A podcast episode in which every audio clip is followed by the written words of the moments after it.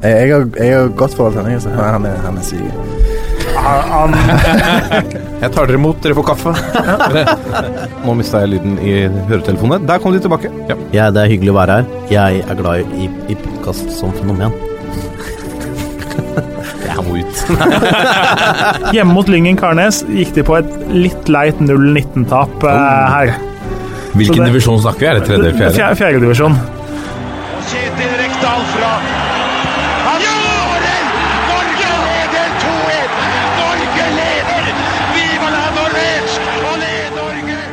Og der er uh, toppfotball eh, tilbake igjen for hundrede gang.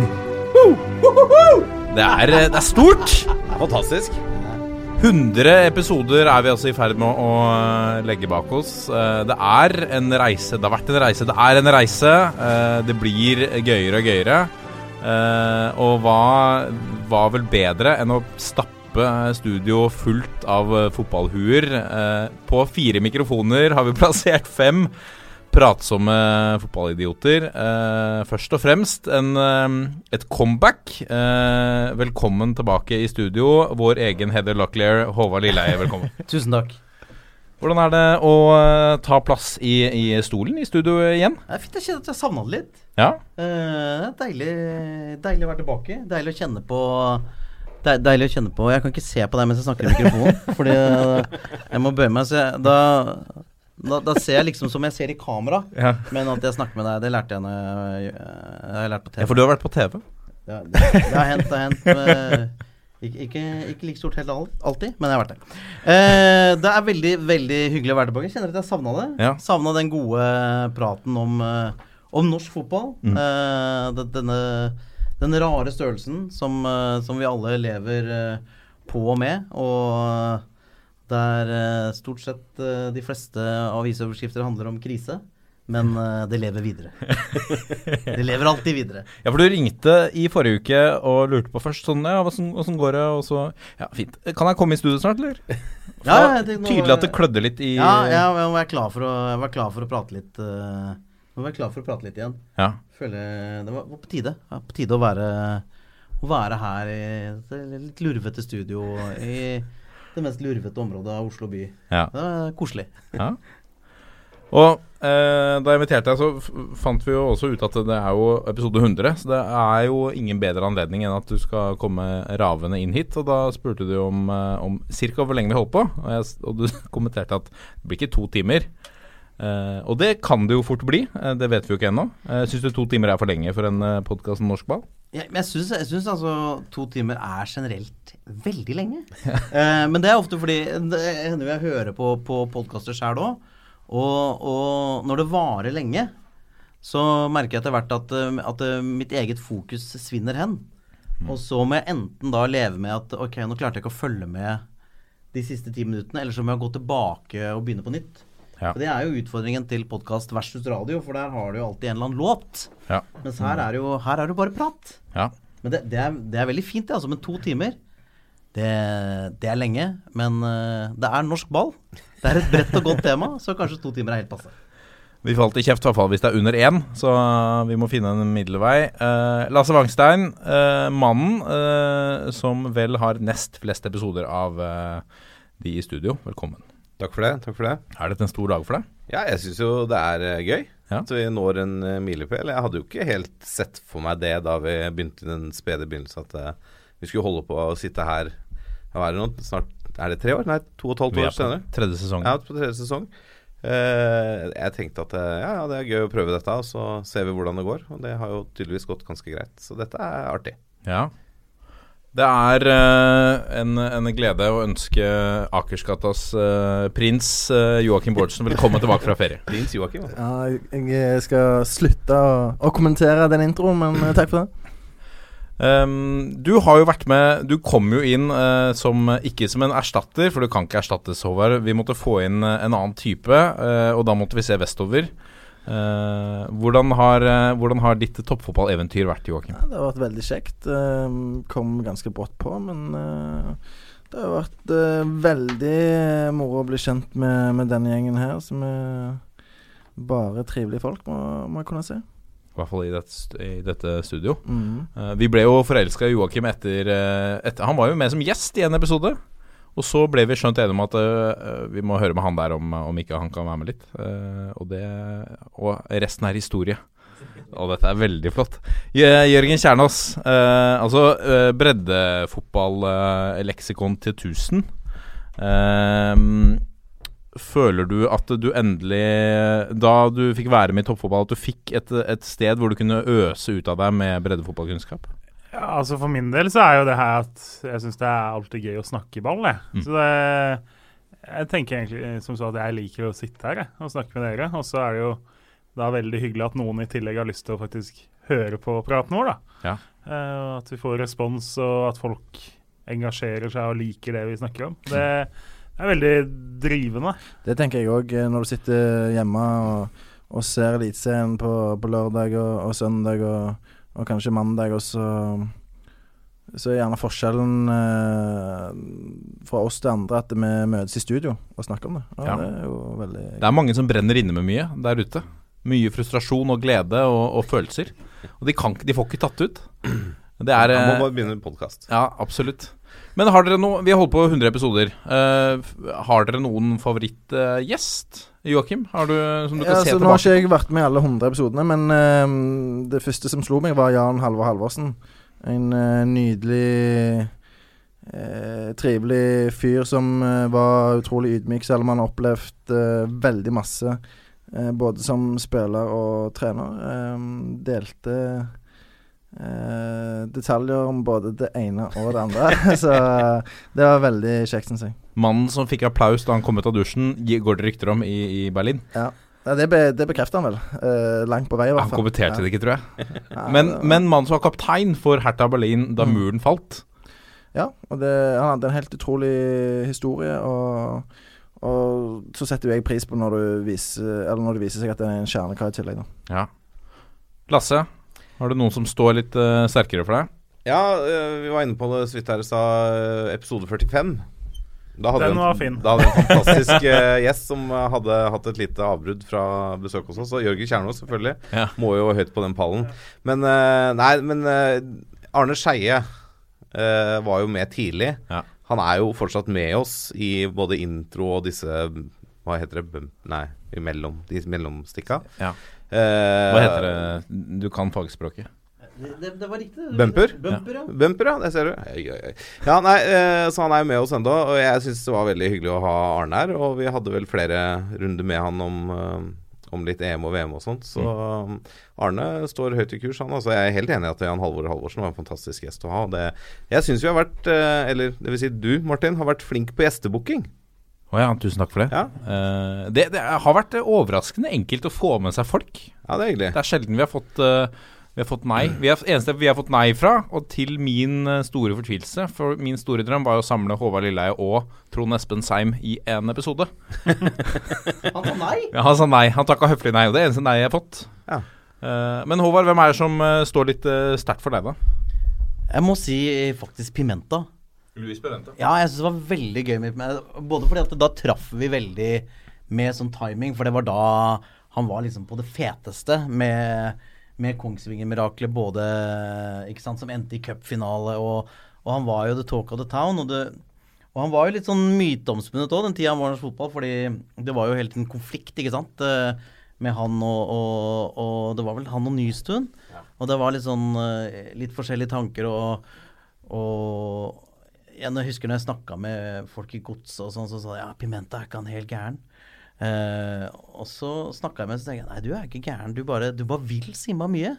Eh, og, den, og den viljen og den tydeligheten eh, og, og han var litt sånn Han var litt sånn man of the world, hvis du skjønner. Han har vært litt rundt.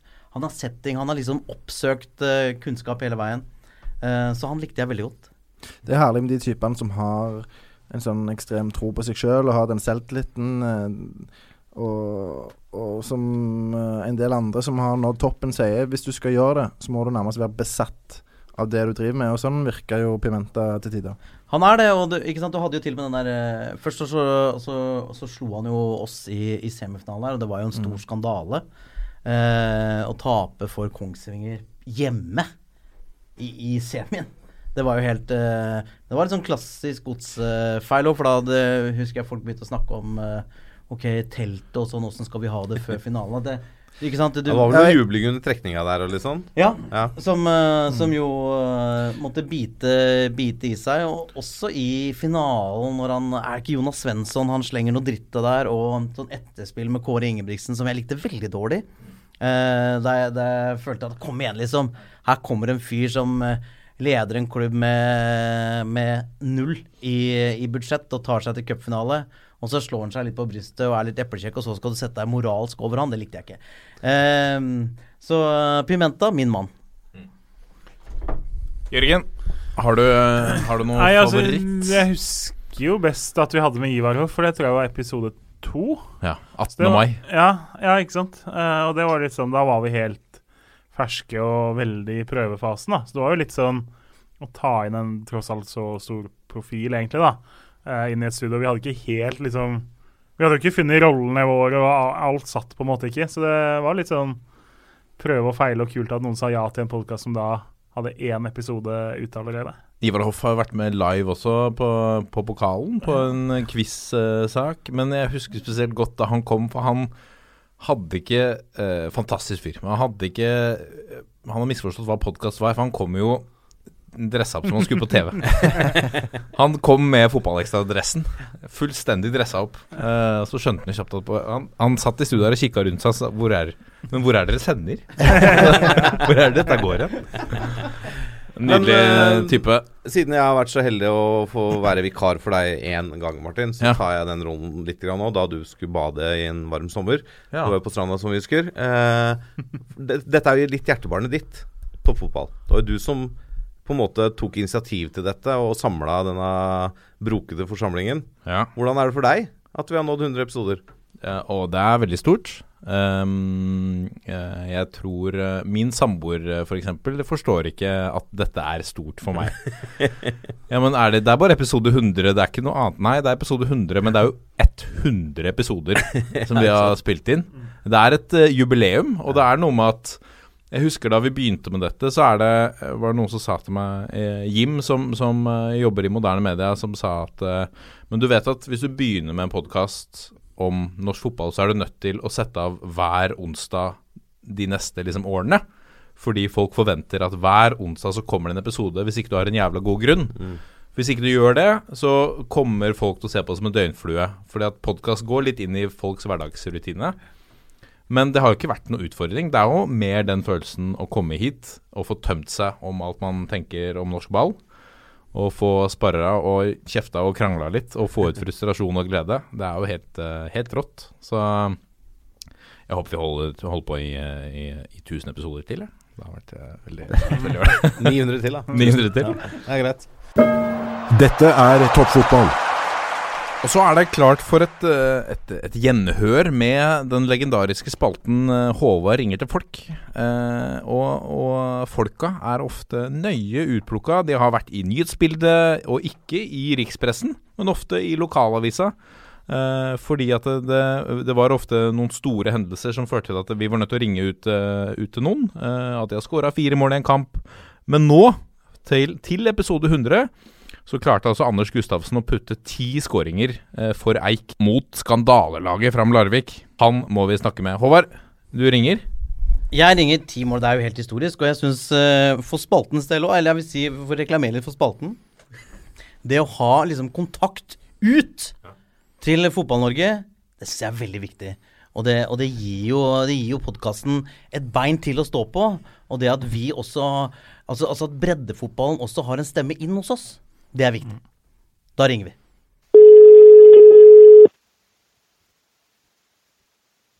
Hallo, Anders.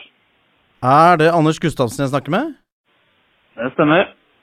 Du, så hyggelig. Du, vi vil jo først og fremst uh, hylle deg med ti mål i forrige runde. Jo, det er hyggelig, det. Ja, det, men det er jo helt Det er jo helt utrolig. Hvordan eh, Riktignok mot et uh, Fram Larvik-lag i, i en eksepsjonell krise, men uh, hvordan, hvordan var det å spille kampen? Uh, nei, det var jo helt absurd, egentlig. Eh, Vi, vi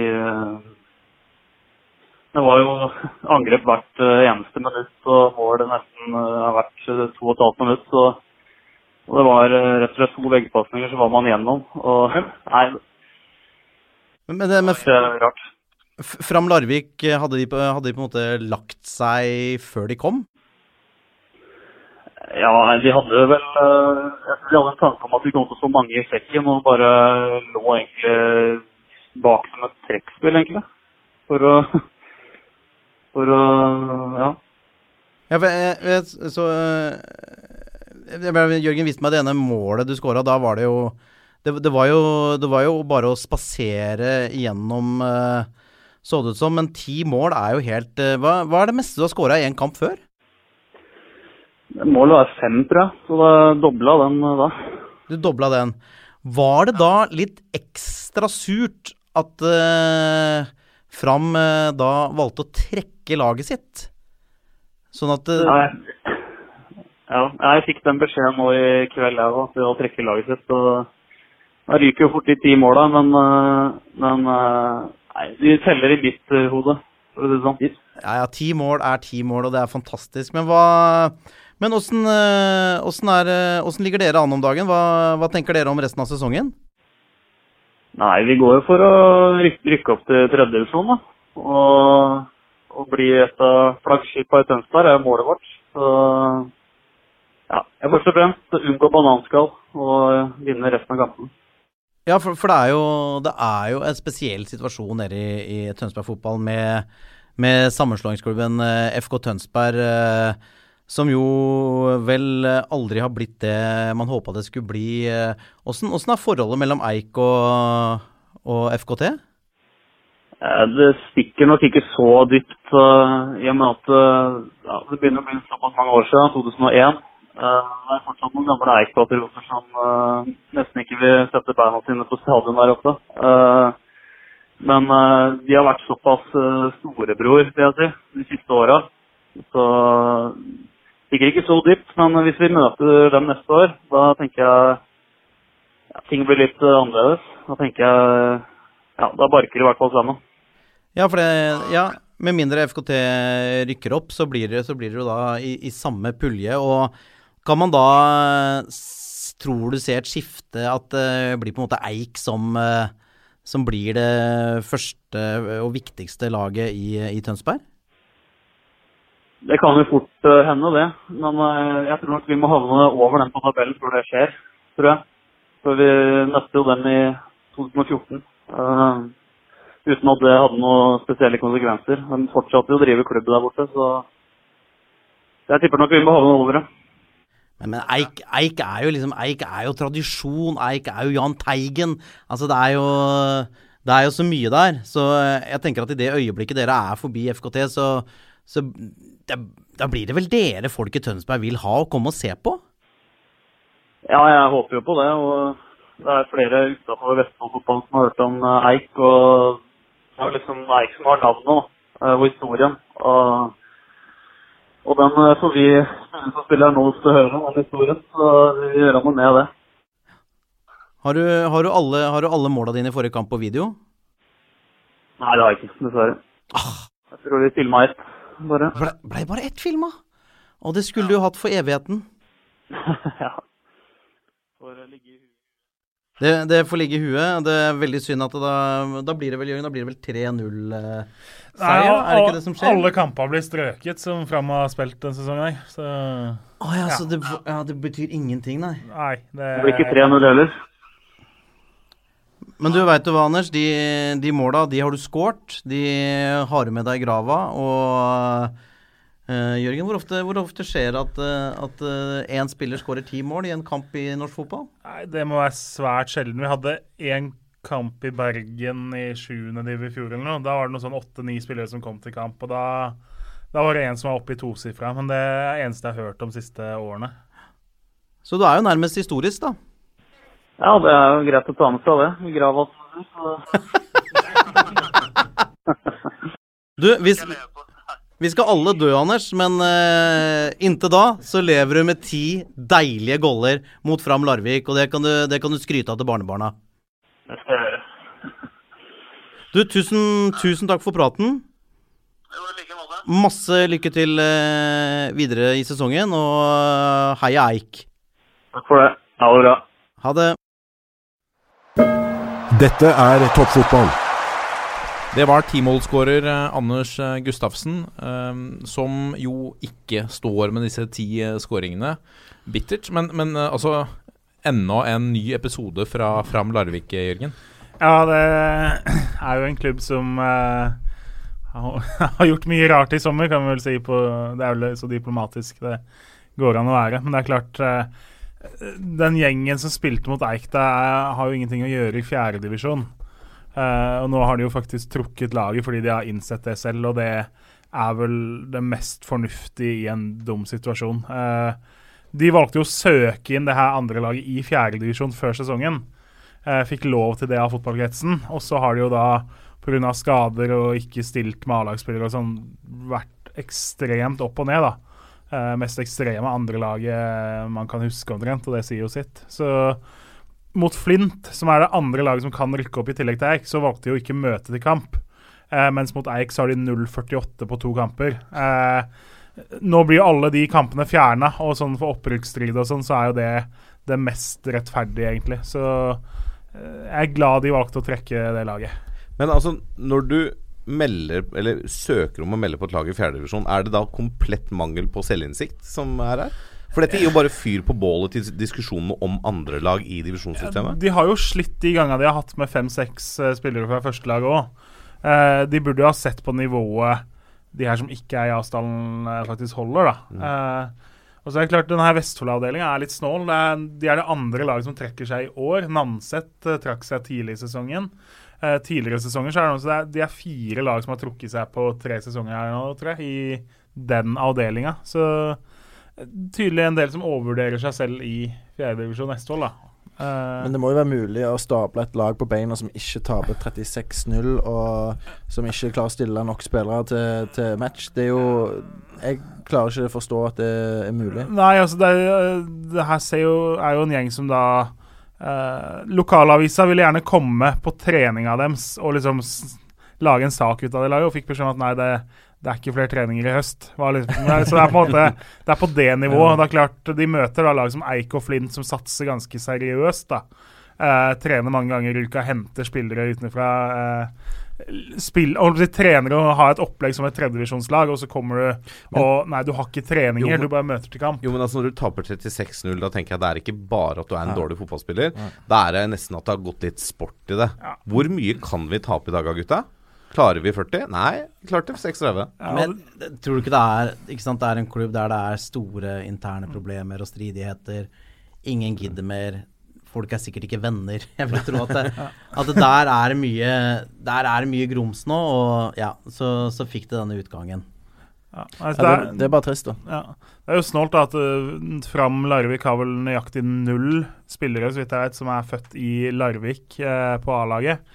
Uh, og så har du da dette er på en måte de som er bak A-laget. Det sier jo sitt på en måte om rekrutteringa i ja, klubben. Da. Og det, det, kan ikke være bærekraftig på sikt heller, hvis du holder på sånn i lavere divisjoner. Eh, greit nok du vil satse i andre divisjoner, men du må ha en lokal stamme med folk som har tilhørighet til området, mm. eh, som bryr seg om klubben, og som bryr seg om om eh, folkene rundt. Hvis ikke så, så forsvinner de når de mm. møter motgang, og da, da ender du opp med, med, kaos. Men Det ser vi jo på, på høyere nivå òg, at idet du har en, eh, en, klubb også på elitenivå i Norge, der du ikke har eh, lokalt innslag, eh, og er, folk bryr seg selvfølgelig ikke så mye om det hvis du går på vannet og vinner og ting ser helt gull ut, men det er idet mm.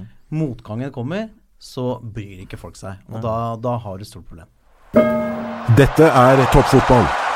Så skal vi se nærmere på rundens eh, øyeblikk. Hva var det som uh, står sterkest for deg etter forrige runde, Joakim? Ja, vi prater jo nettopp om lokal tilhørighet, og uh, det som, som står sterkest igjen for meg, det er den ekstreme gleden Steffen Lie Skålevik viste etter han satte inn 2-0-skåringen for Brann i en toppmatch mot uh, Sarpsborg. Eh, Den, uh, den gleden uh, fortalte meg at det, det målet betydde mer enn enn å bare langt på vei avgjøre den matchen. Han har vært gjennom en, en sommer der Eller mange år, egentlig, der han har kjempa for plassen sin i, i Bergen og på det Brannlaget. Og så ender jo sommervinduet med at eh, Brann bruker 7-8 millioner på en ny spiss i Bamba.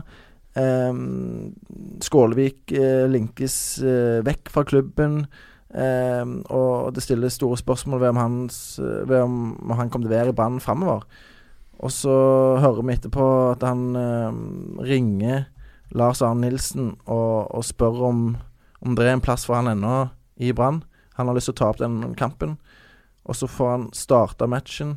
Og så, så setter han en skåring og viser at han er ekstremt eh, viktig for det laget. Og, og den, den gleden og den lettelsen eh, i ansiktet hans, det var det største øyeblikket for meg. Mektige, mektige saker. Bergenseren som, eh, som eh, risikerer å havne på benken, og som velger å, å bli.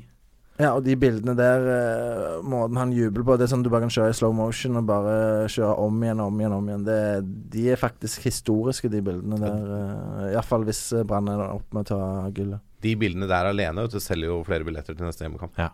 ja, Det viser at det betyr noe, at Ja. det, og, og det er en bergenser som gjør det. Viktig for de. Fantastisk.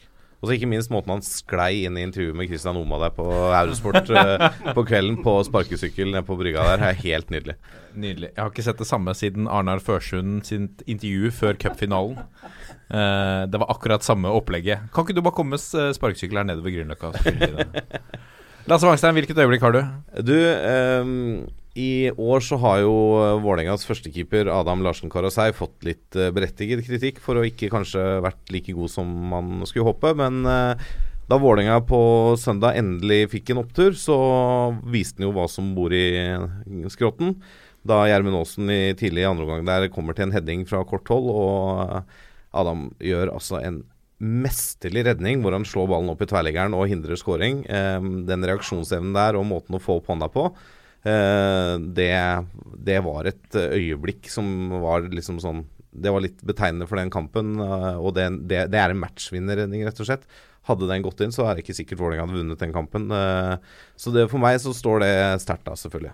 Ja, det skjønner jeg. Og da fortjener han skryt, selvfølgelig. Første seier siden mai. Første seier siden Lillestrøm ble slått eh, på inntil-tida. Helt riktig. Jørgen, hva, hva har du plukka ut? Du, vi skal til Drammen. Eh, litt dramatisk. Jonas Doimeland, keeperen til Start, eh, kolliderte med medspiller. Eh, det så jo Selve kollisjonen så jo ikke så dramatisk ut i seg selv, men så faller han litt for kjært, lander litt sånn på sida og blir liggende, om ikke livløs, helt utslått, da.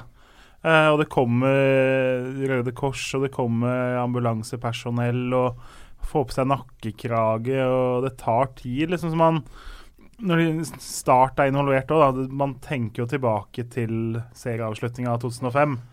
Eh, som jo er et av de verste øyeblikkene i norsk eh, fotball noensinne. Hvor Dagfinn Enli jo gikk ned på nesten samme måte. Eh, så så man jo at Dormeland hadde jo på en måte litt bevegelse i kroppen eh, hele tida. Eh, men eh, ja. På stadion så så vi ikke det, vet du. Nei. For jeg satt jo på tribunen. Så da var det jo bare en Da, Der, der så vi bare at det, ting tok tid. Mm. Eh, og, og så skjønte vi det at, eh, at de, er redde, de er redde for å løfte inn. Mm. Eh, og da, må de, da er det tenk, nå er det noen nakke-rygg som de er redde ja. for. Eh, og det var, eh, det var Det var litt ekkelt. Det som Ja, for inntil man skjønte det, da var ikke stemningen på tribunen der kjempegod. Nei, jeg tror de mener at eh, Godsunionen mener at de bua mot en annen startspiller Ja, som det, gjorde noe ja, okay. Forklaringa var at han Det var vel Love som de mente hadde gestikulert mot Godsunionen. Om han var misfornøyd med dem eller hva det var, det Altså høna eller egget. Men ja. eh, det hørtes jo ut på TV da som om Godsunionen sto og peip på en keeper som lå eh, nede der. Det, så, Og så snudde de, og så ga de han jubel når det Ja. kom ut. Ja, og så er, hører det også med til historien at det hadde vært, eh, det hadde vært elementer av drøying eh, Mm. før det, og spillere som hadde ligget nede. Og da som eh, Vi har jo alle sittet på tribunen og sett spillere gå ned og tenke Ja, men er det mulig? Ja, ja. Skal du òg legge deg? Det er jo, det er jo, det er jo vanskelig å forstå alvorlighetsgraden med en gang en spiller ligger. Det, Selvfølgelig. her ble det jo Og det gikk jo bra òg. Mm. Ja, det var jo det gode at det var ikke noe brudd eller noe alvorlig. og Han var vel tilbake på trening her eh, allerede denne uka her, så Uh, ja. ja. hadde jo Tau til neste dag tidligere i sesongen. Uh, Ja, Også det- mot start. Ja, mot, mot start, som uh, denne var sånn jeg, jeg, jeg sliter med å se de sesjonene der eh, Når reprisene kommer, så må jeg snu meg vekk. Det er helt sånn den Kristoffer Barmen hadde i Haugesund her, og, Ja, og var det i fjor eller året før, som jo Du blir kvalm av å se det. ja, ja, men den sliter jo han med ennå. Ja. Så han har ennå nakkeproblemer etter den, eh, det fallet der. Men det skjedde hyggelige, eller, eh, hyggelige ting også i denne matchen, Håvard. Fordi ditt øyeblikk er fra samme kamp. Ja, ja, det er jo det, og det var jo altså Dette her var jo eh, en eh, Jeg vil si en eh, litt sånn trist kamp for oss. Vi ble litt sånn outsmarta av Rekdal. Han la og, Coaching i verdensklasse. Coaching i verdensklasse. Nei, men det var altså For det første så starter jo Godset kampen elendig igjen, som vi har hatt en utrolig tendens til å gjøre. Starte kampene svakt. Enten komme under, eller være heldig som ikke kom under, og måtte jage. Og det skjer jo også her. Eh, og, og det er klart han ligger jo med, med fem bak der og, og masse folk rett foran, så det er trangt. Og det, vi sliter med å spille oss til eh, åpne sjanser. Men da kommer jo da kaptein Glesnes med en kule som er altså helt utrolig. Han har jo et tungt skudd. eh, og det rare var at like før så, så hadde han også gått opp og hadde ballen i bra posisjon, men spilte ut eh, til høyre mot, eh, mot innlegg, som jo er i, i godsets ånd. Og da sa jeg nei, men nå må du skyte, Jakob! Få han på ramma! Så blir det farlig! Og så gjorde han det, og så blei det bare en sånn suser som er han, Jeg tror han skjønte ingenting sjøl. Det var jo et helt fantastisk mål. Ja, den smalt inn i, eh, i eh, hjørnet der. Altså eh, 32-33 meter eller noe sånt noe. Ja, det var, det var veldig langt, og det er jo Det er ikke så mange spillere som har det derre det, er- det, Det er Felipe Carvalho og, uh, Ja, ja, ja. og Glesnes, ja. Det, det er forskjell på å, ha, å kunne skyte hardt og kunne skyte sånn virkelig tungt. Mm. Og det har jo Glesnes. Han har en evne til å skyte, kunne skyte virkelig tungt. Og det, Så er det alltid ledig i krysset. så er det alltid ledig oppi bølla der, og der satt han. Det var, eh, det var et nydelig øyeblikk eh, i en eh, krevende kamp for oss som satt på tribunen. Jeg ser den. Um, mitt eh, øyeblikk eh, jeg har lyst til å trekke fram eh, Rosenborgs nye ervervelse, Jebali. Det har vært diskutert om man har stilt spørsmålstegn, eller det har vært ukjente ukj, Hva skal jeg si? Folk har ikke visst helt hva de kan forvente av de nye. Og jeg følte at de fikk ikke brukt han alltid på det han er god på, men man ser at når han kan trekke innover, som en innoverkant, så har han et, altså han har et nivå som ligger Jeg mener et par hakk over Eliteserien når han er på sitt beste. For han er, det er litt feige lag. Han får på seg en to-tre forsvarsspillere, og bare og, og så brenner jo forbi de. Så har de brukt veldig veldig mye penger på han òg, så du må nesten forvente at han skal Ja, sant. eh, vise at han egentlig eh, holder et nivå over de andre. Så det blir jo spennende å se han fremover.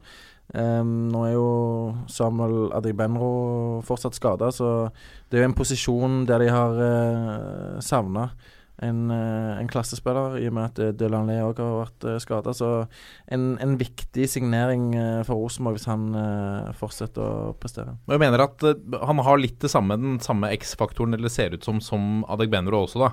Som på sitt beste har et nivå som er langt over Eliteserien. Ja, det har han definitivt. Og det ble jo også sagt der eh, Eller det, det sommervinduet var over, så uttalte jo eksperten at, eh, at Rosenborg hadde tapt vinduet Ja. Eh, i forhold til, eh, i forhold til Brann og Molde. Så kan hende han motbeviste det ganske hurtig. Dette er toppfotball. Så har vi fått inn i forbindelse med episode nummer 100 Det er fantastisk. Så har vi fått inn noen noe lytterspørsmål eller forslag til ting vi kan diskutere. Og det er eh, altså helt naturlig å, å starte med en av de som kanskje har bidratt aller mest, og som har et hjerte for eh, norsk ball, og, og spesielt også breddefotball. Eh, 30 understrek Christian på Twitter, som eh, har et par eh, forslag til diskusjon. La oss begynne med EM eh, 2020 først. Eh, kvalifiserer eh, Norge seg? Kjør debatt. Ja. Nå var det Ja, det fin må- start på et uh, debattinnlegg. Det er noe, jeg håper at noen skal si nei! Men jeg kan ikke se hvem som skal si det. Altså, vi, vi, vi må jo si det sånn at eh, selvfølgelig er det jeg vil tro alle i studio her håper og drømmer om at vi gjør. At Norge endelig kommer seg et mesterskap igjen. Men tror vi det, Lasse? Ja, Tror jeg tror faktisk at vi har muligheten nå. For jeg syns jeg ser tegn til at han svensken vår begynner å få litt eh, grep på dette landslaget. Har funnet stammen sin. Det er noen ganske spennende spillere på det landslaget nå. Det er et par unggutter som er virkelig på gang.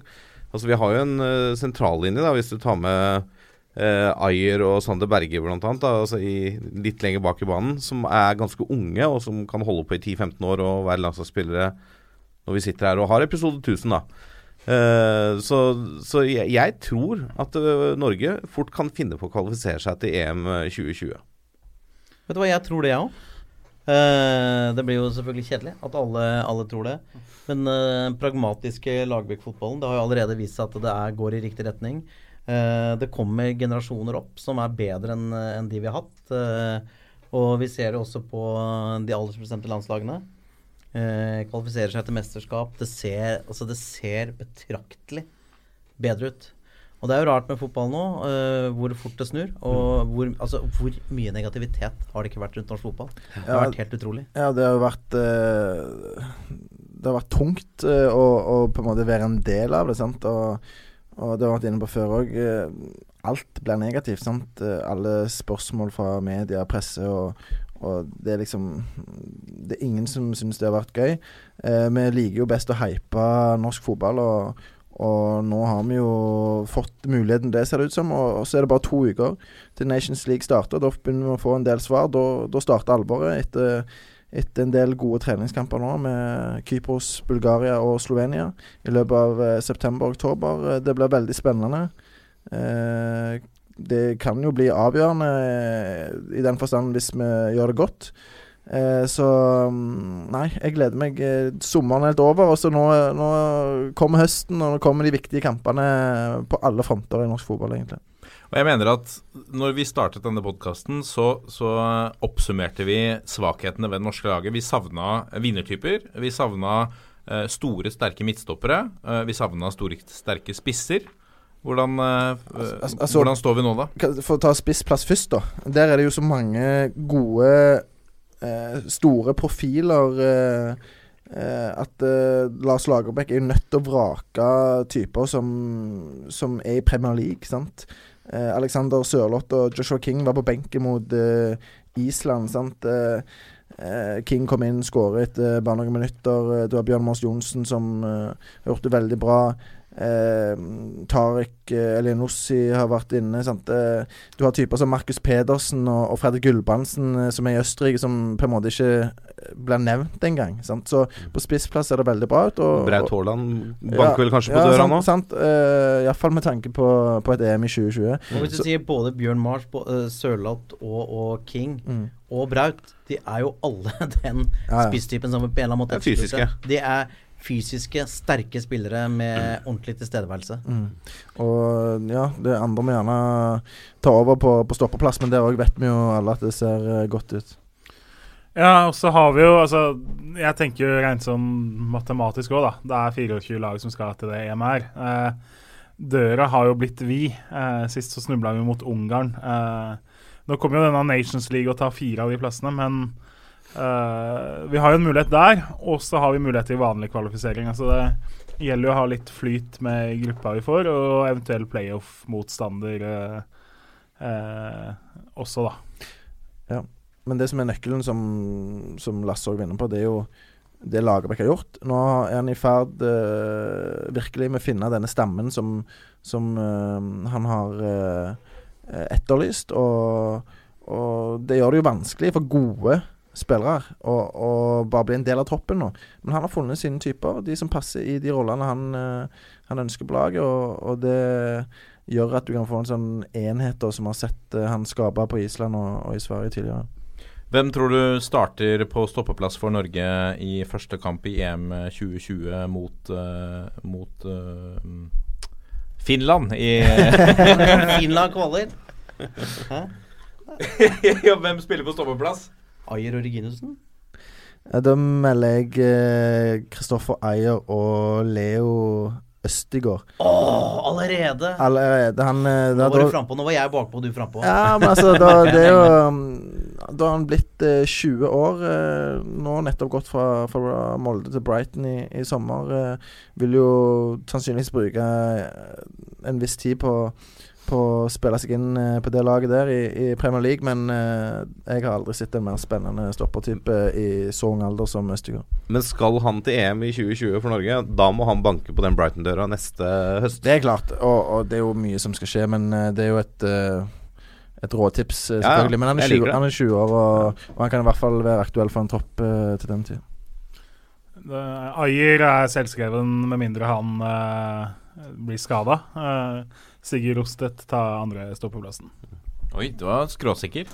Er det noen Nei, ja, det er jo bedre å altså, Er du ikke sikker, vær skråsikker. Er ikke Men er det noen utafor altså, Av de spillerne de har i dag han har, De har jo sagt at ikke de skal teste ut uh, like mange som de har gjort i starten. Er det, hvem er det dere Hvis dere skal kaste ut en, en ta en råsjans, hvem er det som, som er med i troppen? I, uh, Nei, det, er jo, det er jo sånn som Østigård og, og Erling Braut Haaland som er, som er lengst framme akkurat nå. Og så har du jo selvfølgelig noen andre talenter. Kristoffer Sakariassen er jo sånn når vi skal ut i EM Jeg tror ikke han kommer med, men av de som ikke har vært inne på landslaget før, Ja. så er det han sammen med Haaland som definitivt er nærmest. Så er, det er det gøy, eh, selvfølgelig, for meg som er eh, fotballinteressert, men først og fremst TIFF-interessert, er jo at Iver Fossum eh, kom inn og var så god med en gang.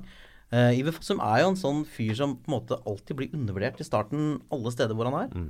Eh, når han var i Godset, så så var På et punkt så var Rosenborg henvendte seg om Iver Fossum. Og det var da de tenkte Å jøss, er han så god? Han må spille. og så er, var han jo en åpenbaring. Eh, og samme i Tyskland. Bruker tid liksom på å spille seg inn. Nå skjønner de og hvor eh, Altså, Han er så solid. ja, og hvor viktig det er for et lag å ha sånn dritgode spillere, men som jobber i det stille. Mm, mm. Og en sånn fyr er Iver Fossum, og han kommer til å være viktig for landslaget framover. Han spilte jo Spilte vel flere kamper i Bundesliga, eller han gjorde da de var nede i andre Bundesliga, han òg før. Så han har jo gjort noe riktig. Og så kan vi jo ikke gå en uh, podkast eller en fotballprat uten å nevne Martin Ødegaard. så han er 19 han har vært innom da, så Han er, han er 19 år og, Martin er med. og, for, ja, sant, og fortsatt ung i, i et eventuelt uh, EM for Norge, men uh, han håper jeg virkelig eh, er med, da. Men før vi, før vi går videre, vinnertyper. Hvem, hvem er det som er eh, de fremtidige kapteinstypene i, i det laget da, i, i 2020? Har vi fortsatt Stefan Johansen som eh, kaptein? Ja, det spørs jo helt uh, hvor mye spilletid han får i Fulham, da, etter at de gikk bananas de siste dagene i overgangsvinduet i England, og han ser ut til å ha havna litt Altså, han er ikke elveren lenger, han er ikke skråsikker elveren til Fulham lenger. Det er jo, Eh, det er jo Kristoffer Eier som, eh, Ja. som virker som den neste norske landslagskapteinen for meg. Så ja, jeg er helt enig. Og så er jo Markus Henriksen har jo blitt Hull-kaptein nå. Mm. Eh, kommer til å være eh, 28 vel, eh, EM om to år. Så altså fortsetter han å være kaptein der, så er i hvert fall han en Men, mann langt oppe Ja, på lista, da. men eh, du nevnte, nevnte Zakariassen tidligere, men det er så tøff eh, konkurranse nå sentralt midtbane. Husk Sander Berge. eh, sant? Tenk den enorme Mm. spilleren han kan bli for Norge i et eh, EM eh, om to år. Eh, bare Han holder seg skadefri. Du har liksom Ole Selnes har jo ikke egentlig vært i nærheten av elveren eh, nå under Lagerbäck, så Midtsjø må inn i bildet. opp Ja. Altså, det er vanskelig å finne ut hvem Zakariassen skal inn for, men at han på en måte er Spørsmålet er jo hvem som skal spille ved siden av Sander Berge. mm. Men jeg snakker litt varmt for Stefan òg, da. Og det er jo, han har jo kommet innpå uh, for Fulham. Og han er jo en sånn type Han blir jo trigga av dette her. Og han var jo kjempegod for Fulham i, i championship. De henter mye, mye bra spillere. Men uh, jeg tror at Stefan Johansen han dunker seg inn på det laget der i løpet av sesongen. På ren og skjær vilje. Jeg håper det, for jeg elsker innstillingen. Sant? Han, er, han, er en, han er en jævel, og det, det liker jeg. La oss uh, holde oss uh, Altså, vi skal alltid holde oss på norsk fotball, selvfølgelig. Men, uh, men Bombe. Christian spør om, om vedrørende tilskuere i norsk fotball. Det sammenlignes ofte med rekordlave tilskuertall. altså, det hjelper jo nesten ikke Eliteserien at Fredrikstad trekker 10 000 i en kamp om Boss i, i Post Nord. Men Christian spør Er det for mye fokus på, på de som ikke er på, på stadion. Glemmer vi litt de som er til stede? Altså, det blir jo sånn negativt, men det er jo veldig lett å lage de sakene, da. Men eh, ser du bak det, ikke sant. Altså, nå har du Ranheim oppe som eh, Når hypen har lagt seg litt, så kommer det 1700-1800 mann mot Sandefjord. Ikke sant? Altså, du har mista pub potensielle publikumslag som Ålesund, Viking, Fredrikstad, som du sier. Eh, og så I tillegg så må det jo sies at for 10-12-15 år siden så var det jo en kunstig høy uh, boble, da, hvor vi trakk flere tilskuere enn det du kan vente deg. Viking snitta på uh, rundt 16 000. Ja, Så. Snittet. da var det flere så det er jo fortsatt sånn at måler du på antall innbyggere i landet, og hvor mange som går på kamp i øverste divisjon, så er vel Norge på første eller annenplass i Europa fortsatt.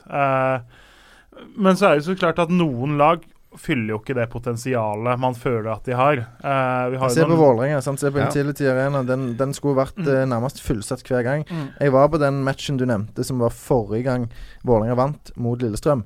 Eh, da var det Altså, du kan ikke ta klanen på noe, for de, de leverer hver match, syns jeg. De skaper god stemning. Eh, og da var jo Kanarifansen òg til stede, og, og det var bra trøkk. Men så er det store deler av uh, Intility som, som er, er tom. Og, og da gjør det noe med rammen. Får vi, får vi det Jeg satt på mandag og så eh, Bodø-Glimt-Odd fra Aspmyra først klokka syv. Eh, så var det en kompis som, som ikke ser så mye norsk fotball, som, som ramla inn eh, i løpet av den matchen der. Og ble sittende og se litt med meg, og kom egentlig for å se eh, Crystal Palace Liverpool etterpå da. Og så tar jeg over på Liverpool-matchen, og så er det jo et eh, voldsomt trøkk der, sant, med en gang. Jævlig liv på Sellers Park der. Og så kommer kommentar med en gang. Å, herregud, for, et, eh, for en forskjell det er på Eliteserien og Premier League, liksom. Og mm, det som slo meg da, det jeg sa til han, dette Men tenk hvis det hadde vært samme ramma rundt Eliteseriematchen. Tenk hva trøkk det hadde vært. Tenk hvordan det hadde oppildna spillerne. Eh, hvordan eh, publikum blir gira av at det er fullsatt. At de er en del av en stor happening. Sant? Eh, så, så, så tilbake til det spørsmålet til Christian, så mm, Jeg tror det må snakkes om. Eh, vi må gjøre det som kan gjøres for å få flest mulig folk eh, på, på kamp. Og eh, da blir dette her på en måte det jeg spiller inn nå, en, en, en ting som må bli til en større diskusjon en annen gang. Men hvor langt skal du på en måte gå for å få publikum på kamp? Jeg tenker åpne opp for alkoholservering. Ikke at du skal eh, kjøre øl som, som lokkemiddel i den forstand, men vi må gjøre det til en happening. Altså, jeg er jo helt enig med, med Jørgen i forhold til Beklager. Apropos Jeg, jeg må bare skyte inn at jeg er edru når jeg sier det. eh, enig med Jørgen i det at vi har mista en del lag. Altså Bare i Østfold da så har du bytta ut Fredrikstad med Sarpsborg, egentlig. Og det, det alene er jo 5000 i snitt. Eh, så det har litt å si. Men jeg syns ikke vi skal heller undervurdere de stadionene hvor det er trøkk, selv om det ikke er så mange. Sarpsborg nevnt. Kristiansund. Dette er små stadioner som ikke tar så mange tilskuere. Men det for så vidt også på, i Drammen. Det, hvor mange tar uh, Marienlyst? Er det åtte? Ja, ja, det er jo blitt litt mer nå fordi jeg har bygd en tribune til. Som er ja. ja. 8 pluss, ja. Ja, 8 pluss, da. Men altså når det er 6000-7000 der, når det er 5000 i Sarpsborg, når det er 3000-4000 i Kristiansund, så syns jeg allikevel det er trøkk. Det er stemning. Og det er, det er liksom Og det syns jeg vi heller kanskje skal sette litt fokus på, da. Enn tilskuernedgangen, for den er Ja, mer og- ja. og jeg, Men jeg er helt enig med deg. Ja, vi og- må se på grep og jeg, og jeg bryr meg ikke veldig mye om snittet. Fordi at, det, at det, Ranheim har 13 tilskuere, det er på en måte normalt. Og det trekker jo ned snittet noe ekstremt. Det vet alle. Men jeg bryr meg om de arenaene som kan bidra til å skape en fantastisk ramme rundt norsk Det er fotball. jeg helt enig i. Forhåpentligvis hver helg. Ja, det er for lite folk på Intility, det er for lite folk på Åråsen. Det er faktisk for lite folk i Bergen nå, selv om de nå har eh, stengt en hel langside. Så selger de ikke ut de 12 000 plassene de har, og de kjemper om gull, altså. Og ett argument i alkoholdebatten. Hvis det er en f.eks. da lørdagsmatch klokka seks på Intility eller på Marienlyst, eh, og så sitter der en, en eh, kompisgjeng eh, eh, hjemme og, og har lyst til å ta seg noen pils, Tenkte han, Du, skal ikke bare stikke opp matchen, da? Så tar vi to-tre pils og, og koser oss. Så blir gjerne de to kompisene som egentlig ikke er så interessert i, i fotball, med de òg. Det, det er den billige argument som gjerne mange tenker nå, herregud, hva er det han snakker om? Men, men jeg tror eh, det kan bidra på en positiv måte. Og så skjønner jeg ikke hvorfor det skal være problem. Idrett og alkohol hører ikke sammen. Eh, det mest brukte argumentet. Men hvor mange vil egentlig rave rundt uh, fulle og, og ødelegge opplevelsen for små barn? Jeg tror Og ikke det er så mange. De som vil være fulle på kamp, de blir fulle på kamp uansett. De sitter i en eller annen buss eller går på en eller annen pub før allikevel. Så det, det argumentet faller jo til sengen, mener jeg da. Håvard, du støtter jo en idrettsforening som eh, du har omtalt før. Dere har for det første en spiss som løftes fram av et publikum, eh, og kanskje underpresterer i mangel av et. Altså Typisk bortekamper i Nord-Norge.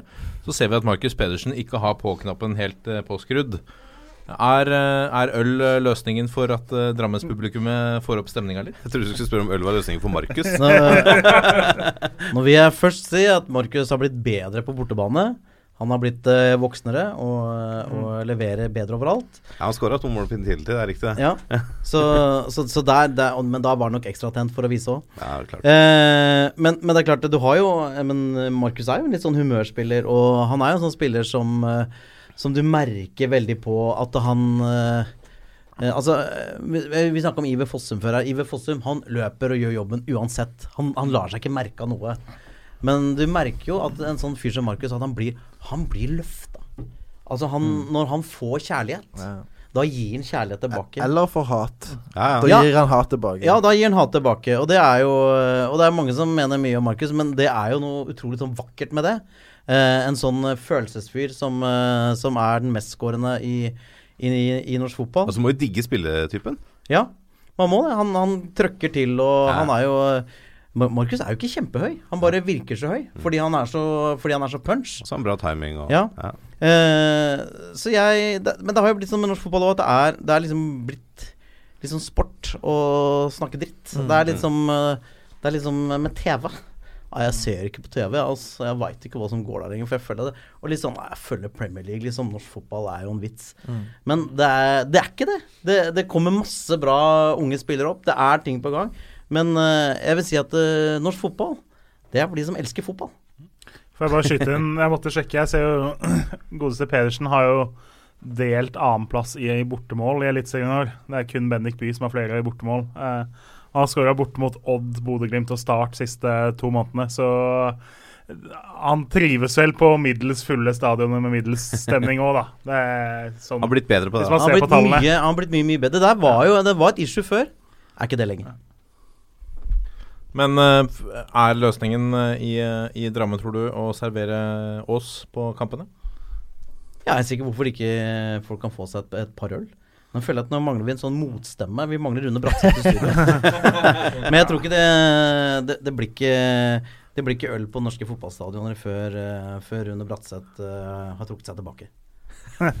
Men vi har jo en, en eh, hvis, hvis det er en, en regjering som skal til for å få til dette, så har vel den regjeringen som, som, som kan muligens tillate det. Men jeg, jeg skal være Rune Bratseth, da. Ironisk nok, for at jeg er en av to som drikker pils akkurat nå i dette studio. Men, men eh, ja, iso, eh, for, for meg selv så hadde ville jeg tenkt at ja, selvfølgelig ta en pils på, på, på en match. Altså Jeg husker jo fortsatt skuffelsen i mine øyne da jeg kom på Camp Nou i Barcelona og, og merka at ølen var alkoholfri. Eh, så selv der også unngår de eh, alkohol på, på, på kampene. Men, men det er jo noe eget også kamper i Tyskland. Det er jo stinn brakke og et leven uten like. Det- det men, men det er også sammenheng med lave billettpriser. Men nå kommer Brune Bratseth-kommentaren, er at eh, jeg tror at Eller jeg føler at eh, fotballkamp skal være en arena hvor du kan ta med deg eh, sønnen eller dattera di, eh, og de skal slippe å, å risikere å henge sammen med folk som stinker eh, dritt, folk som eh, men- oppfører seg rart. Og, for du, du ville jo ikke tatt med Du ville jo ikke tatt med kanskje sønnen eller dattera di på puben. Ja, men Det er derfor du har familietribuner, og det er derfor du har supportertribuner. Sant det. Så har du ikke ølservering på familietribunen, men du har det på supportertribunen, f.eks. Ja, Lø- og, pro problem løst. ja, og jeg eh, klarer ikke helt å se at eh, en, eh, at et barn skal få sånn traumer etter å ha sett eh, en, en voksen kar eh, eh, stå med en halvliter. Eh, klart det kan oppstå episoder i forbindelse med alkohol, som det kan i alle sammenhenger, eh, der noen utagerer og, og oppfører seg eh, vemmelig. Men eh, jeg klarer ikke å se at det, det på en måte Da vil folk gå amok på tribunene. Men det du sier jo ikke om er at vi må, vi må tøffe opp ungene våre litt. vi må tåle litt. Ja, ja, det må de òg. Men så da veit vi det. Få, få tappetårn, så får vi folk. Familietilbudet har jeg ikke tenkt på. Det er faktisk en veldig, godt, en veldig god idé. Nå er jeg litt, mer, litt mindre Rune Bratseth, faktisk, merker jeg. Ja, det er bra. Uh, uh, uh, for å runde av diskusjonen fra Kristian si det sånn, ja. det, er liksom, det, det er ikke alkohol til folk jeg, jeg, jeg, jeg ber om her. Deg nå. Nei, det ble veldig pro alkohol her, men uh, det er et innspill i debatten. Uh, noe som jeg uh, tror vil vært uh, en positiv greie. Frist innspill. Eventuelt sånn eh, 3,5 øl, da. Eller, eller 2,5. Mellomøl. Folkeøl. Det er mye rart her, altså. Christian lurer på, har vi, vi har jo vært eh, inne på det litt, hvor står norsk fotball om, om tre år? Eh, denne, denne uka så spiller, har vi tre lag i aksjon som kan kvalifisere seg for eh, gruppespillet i Europa League. Hvor har vi et lag i Champions League om, om tre år, Joakim? Det tviler jeg på. Eh, sjansen er jo størst for at vi ikke har det, med tanke på utviklingen, at det nåløyet blir mindre og mindre, og at eh, gapet mellom nivået i, i Norge og, og de største ligaene blir større. Så, så det tviler jeg på. Jeg håper det. Men eh, eh, når det er sagt, så syns jeg det drives godt i veldig mange klubber nå. Og sånn som nå, så har vi et veldig sterkt brannlag, noe som er utrolig positivt for, eh, eh, for norsk fotball. Lars Arne Nilsen har på en måte gått foran og, og bygd opp eh, den klubben der sammen med Rune Soltvedt og de andre, selvfølgelig, som har gjort en god jobb. Men, men nå virker de veldig solide. Eh, det, de, det er ikke et sånn korthus som, som kommer til å falle sammen. Eh, så lenge du har Solskjær, selv om han har fått mye kritikk i Molde, så tror jeg du vil ha et eh, robust Molde-lag. Rosenborg Rosenborg med, med alle de ressursene de har, og, og Sarpsborg nå er, er bedre enn eh, noen gang. Så eh, det ser bra ut. Om tre år har Prosjekt Deila endelig satt seg, Lasse? Ja, vi får jo håpe det. Men eh, når det gjelder norsk fotball, da, så tror jeg norsk fotball står sterkere om tre år enn de gjør i dag. Uh, Joakim er litt inne på det. Um, men vi har ikke lag i Champions League, for det nåløyet er så trangt. Men vi, jeg tror vi kommer til å oftere ha lag i gruppespill i Europa League. Eh, jeg tror at vi får flere lag som kjemper om å være topp fire i Norge. Altså er flere lag som melder seg på. Eh, for det er, som også Joakim sier, det er solide fundament der ute. Eh, og vi ser jo disse unge gutta som kommer opp nå med de eh, unge landslagene våre, og de unge som er på A-landslaget allerede. Så jeg er helt overbevist om at norsk fotball om tre år er mye mye sterkere rusta enn vi er i dag. Og Strømsgodset kommer tilbake. Det er det, det er det jeg har å legge til. Vi kommer tilbake. Ja, nei, jeg tenkte jeg satt og så på nasjonsrankinga til Uefa, som jo måles ut fra hvor bra lagene, klubblagene gjør det i Europa. Norge ligger akkurat nå, før første playoff-kampen er spilt, an til å bli noen, ligge på 20 26. 26. sier vi. Det er fryktelig vanskelig ord. akkurat. Eh, jeg er ikke blant de som drikker i studio, det må nesten sies etter den uttalen der. Uh, 26.-plass, men får vi Rosenborg og kanskje et av de to andre inn i gruppespill, så er vi oppe og snuser på å kunne være topp 20 i Europa. Eh, det er ganske høyt, for altså, vi begynner å se på de ligaene da, som vi må passere for å klatre såpass. Altså, Aserbajdsjan og Israel og Skottland er foran. Det er jo liga vi vel liker å tro at vi kan måle oss med. Så begynner Sverige, Polen, Serbia, Kypros, Sveits på en måte å bli de neste ligaene. da. Eh, så klarer vi å komme oss opp på 20.-plass, så gir det litt hjelp eh, på seeding og rangering sånn på sikt. da. Så vi ser at vi får litt lettere motstand for noen av lagene våre i Europa. og Da blir jo det en sånn spiral som gjør at igjen neste år så blir det enda enklere, fordi da har vi kanskje kommet litt lengre osv. Så, videre. så Og jeg tror det kommer til å skje. Eh, fordi selv om vi snakker mye om krisemaksimering, det er veldig høy fotballinteresse i Norge. Og det er veldig mange som vil at vi skal gjøre det bra. Eh, det er stor interesse, og i, Se på sånn som de, de satser i, i starten nå. Altså henter en eh, Ja, hvor mye var det betalt for han spissen? det var vel snakk om 700 000 euro, eller noe? Ja, sånt? syv, syv millioner kroner har jeg uh, hørt. Ja, og da, da begynner det å bli sånn at den type klubber har den type overganger. Eh, og da må jo de kanskje prøve å bygge litt og få opp eh, noen lokale òg. Men det er klart at det, når det er den type trøkk og den type ønske om å få det lokale laget sitt opp, så, så tror jeg at eh, og, og vi ser det jo på alle aldersbestemt landslag òg. Jeg føler at det, dette her gir seg sjøl. Vi, vi kommer til å klatre. Altså Fotballinteressen, som, som du sier, i Norge er jo helt ekstrem. Ehm, og, og kunnskapen òg.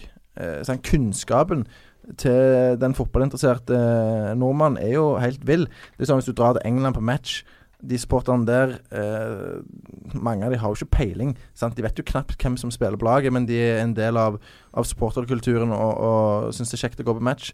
Men eh, i Norge så er det noe spesielt. Og, og på en måte hvis vi bare klarer å vri en del av de eh, som kun ser Premier League, over til å følge med på norsk fotball, så, så er jo potensialet veldig, veldig stort.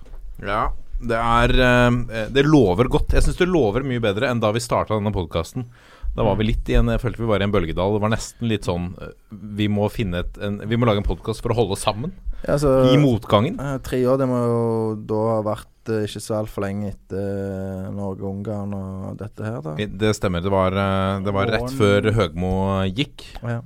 Så eh, Ja, men- det var en tøff tid. Ja, norsk fotball kom ganske langt siden den gang. eh, eh, ja, alt som er nevnt her nå allerede, og, og de store profilene begynner å få i utlandet, så, så ser det bra ut. Vi har en annen uh, veldig ivrig og fast bidragsyter som fortjener en stor takk. Uh, Kim Are, som har uh, sendt oss eh, et eh, innspill og et eh, tips om et veldig lovende trenertalent, eh, Jørgen. Dette er eh, Endre Eide, som han mener vi må følge litt eh, med på.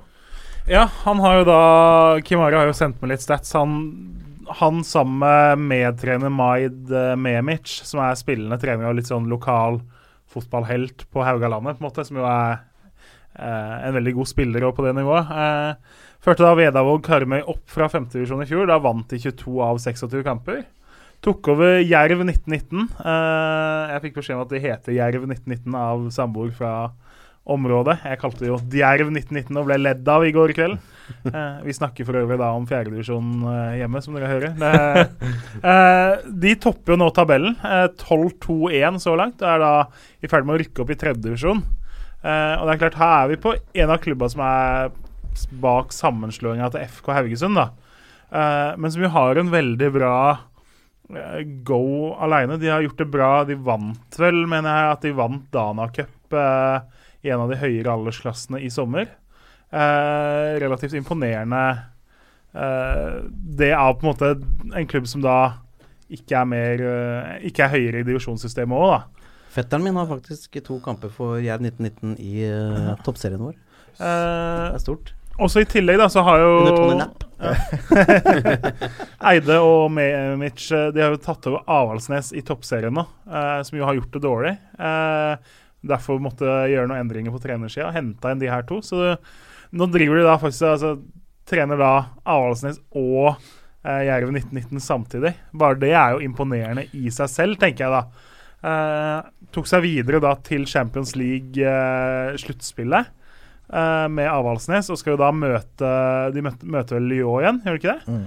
Uh, så det, det var jo folkefest på Haugesund stadion sist de møtte dem med Hegerberg og fullsatt stadion. Så eh, som 24-åring da, så er jo det en veldig kul utfordring. Eh, Men det må sies han, han har tatt på seg mye her. Altså Han trener Jerv Han trener eh, Hva gjør han? Han trener Avaldsnes på dagtid, og på kvelden så trener han eh, Jerv 1919.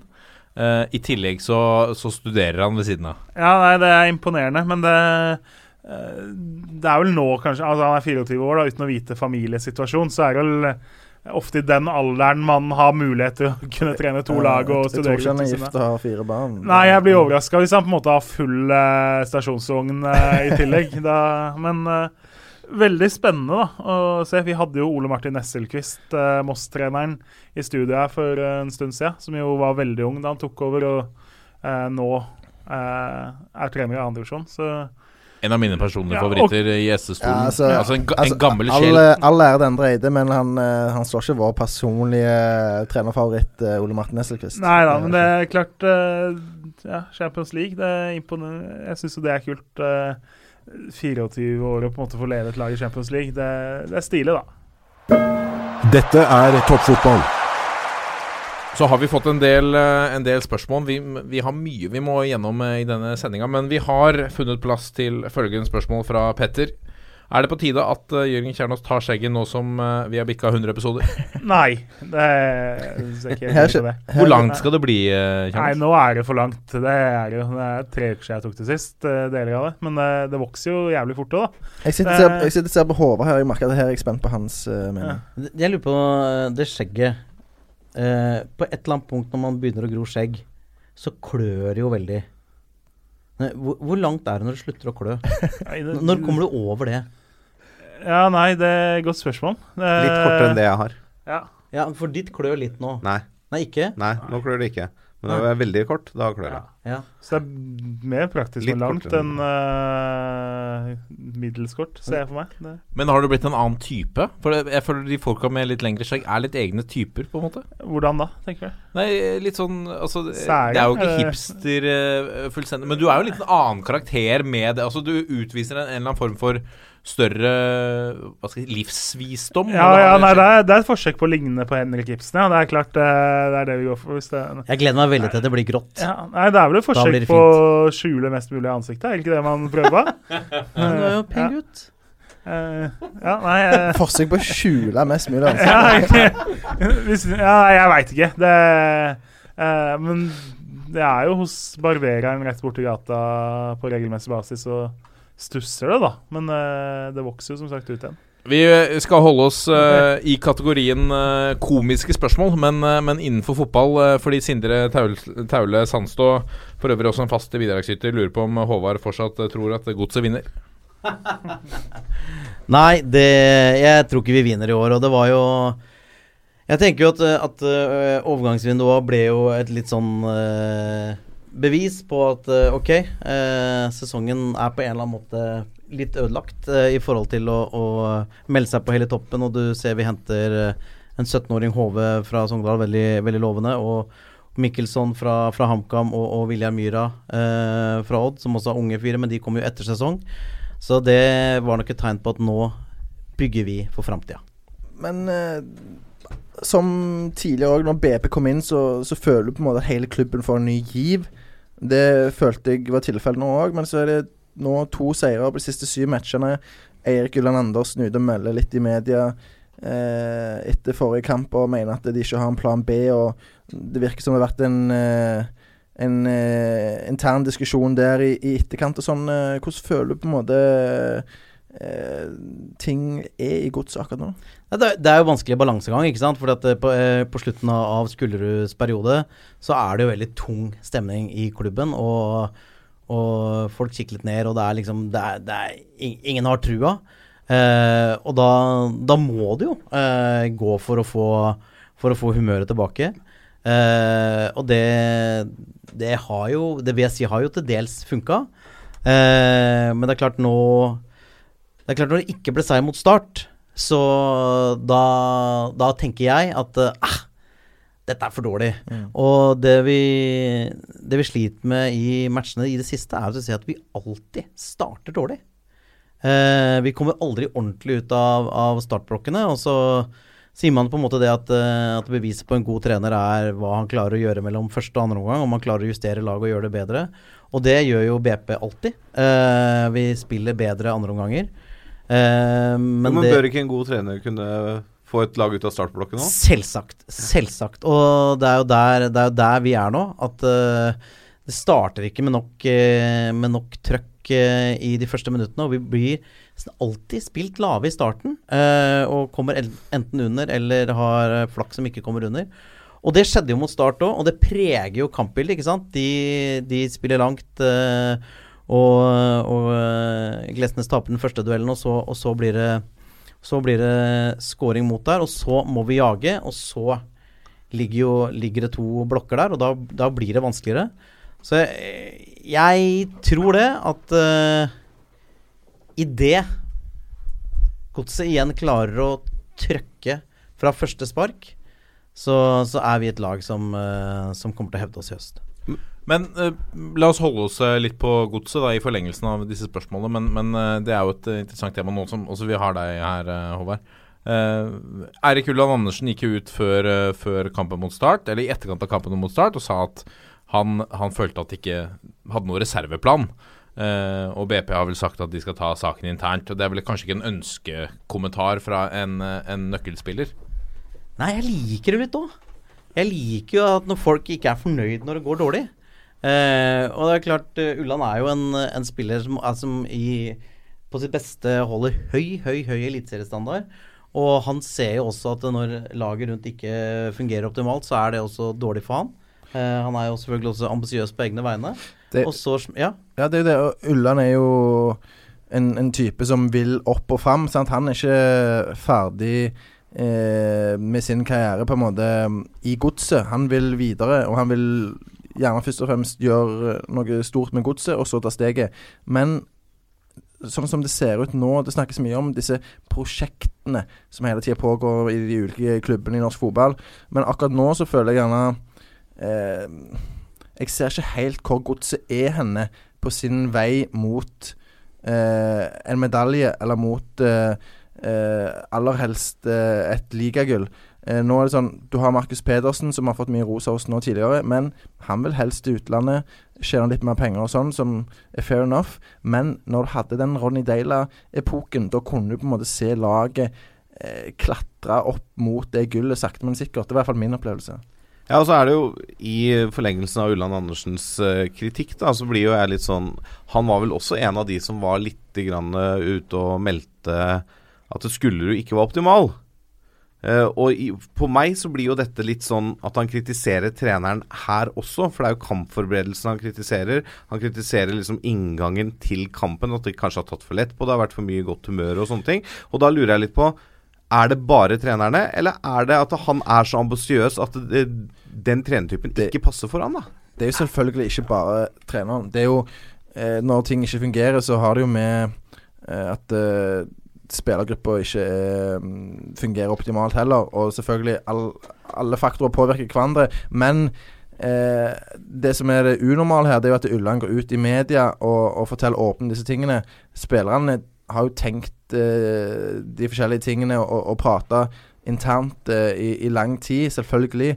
Men eh, det er jo noe at det kommer til overflaten som, er, som gjør at vi prater om det nå. Men er det noe i det da, Håvard? Er, er BPs spillestil og tilnærming litt for forutsigbar? Nei, jeg tror ikke det. Det, det, er, det er jo på en eller annen måte det er jo, det er jo flere måter å vinne fotballkamper på. Det ene er jo den pragmatiske, der du taktisk eh, tilnærmer deg enhver eh, motstander og, og prøver å finne hvor er svakhetene, og hva kan vi gjøre, hvordan kan vi demme opp og, og sånne ting. Og så har du, så har du den mer offensive, eh, der vi skal ha en egen spillestil og, og, få til sånn og sånn. Og det er klart, nå skal jo han da gjøre om eh, litt fra det Tor Ole gjorde. Eh, og Nei, jeg, jeg har jeg har klokketro på BP. Og jeg tror, det, jeg tror det kommer til å fungere. Han er en, han er en bra trener, han kjenner det lokale. Han er, han er, han er jo elska, og det er, også, det er også en utrolig viktig størrelse. Uh, så er det klart at da må du kanskje ha de rette folka rundt BP, da, som gir den andre type energi. Altså krav, men krav kan jo også da komme internt i, i spillergruppa. Men jeg tror sånn etter Altså Det var tungt tror jeg, i spillergruppa eh, før, før Torole gikk. Og det var eh, Og det å få igjen humøret igjen var helt essensielt. Eh, og det er klart eh, Alle har jo vært skuffa. Fordi man trodde jo før sesongen at vi hadde en, en stall som skulle kjempe helt oppi der.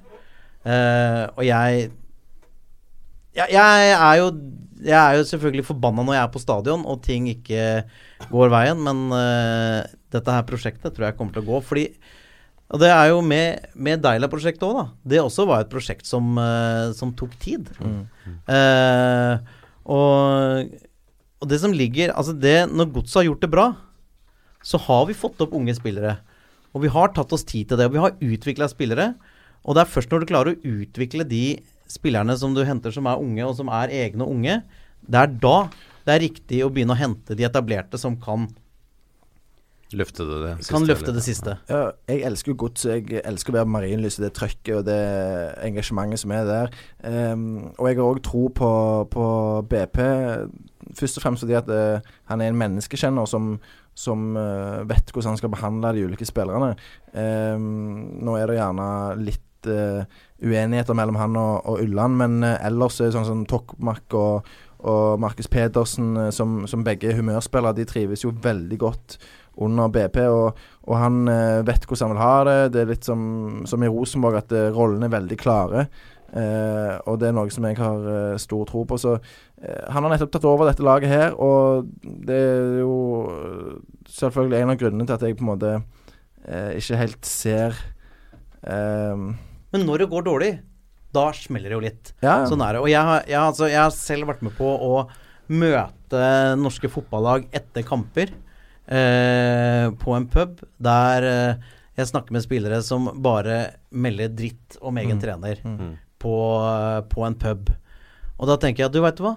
Da er det faktisk bedre at, eh, at det smeller litt i, i avisa, Mm. og så får vi ta det. Ja, det- Og det er klart at det, er jo den type friksjon som, som, som får Ja, oss videre.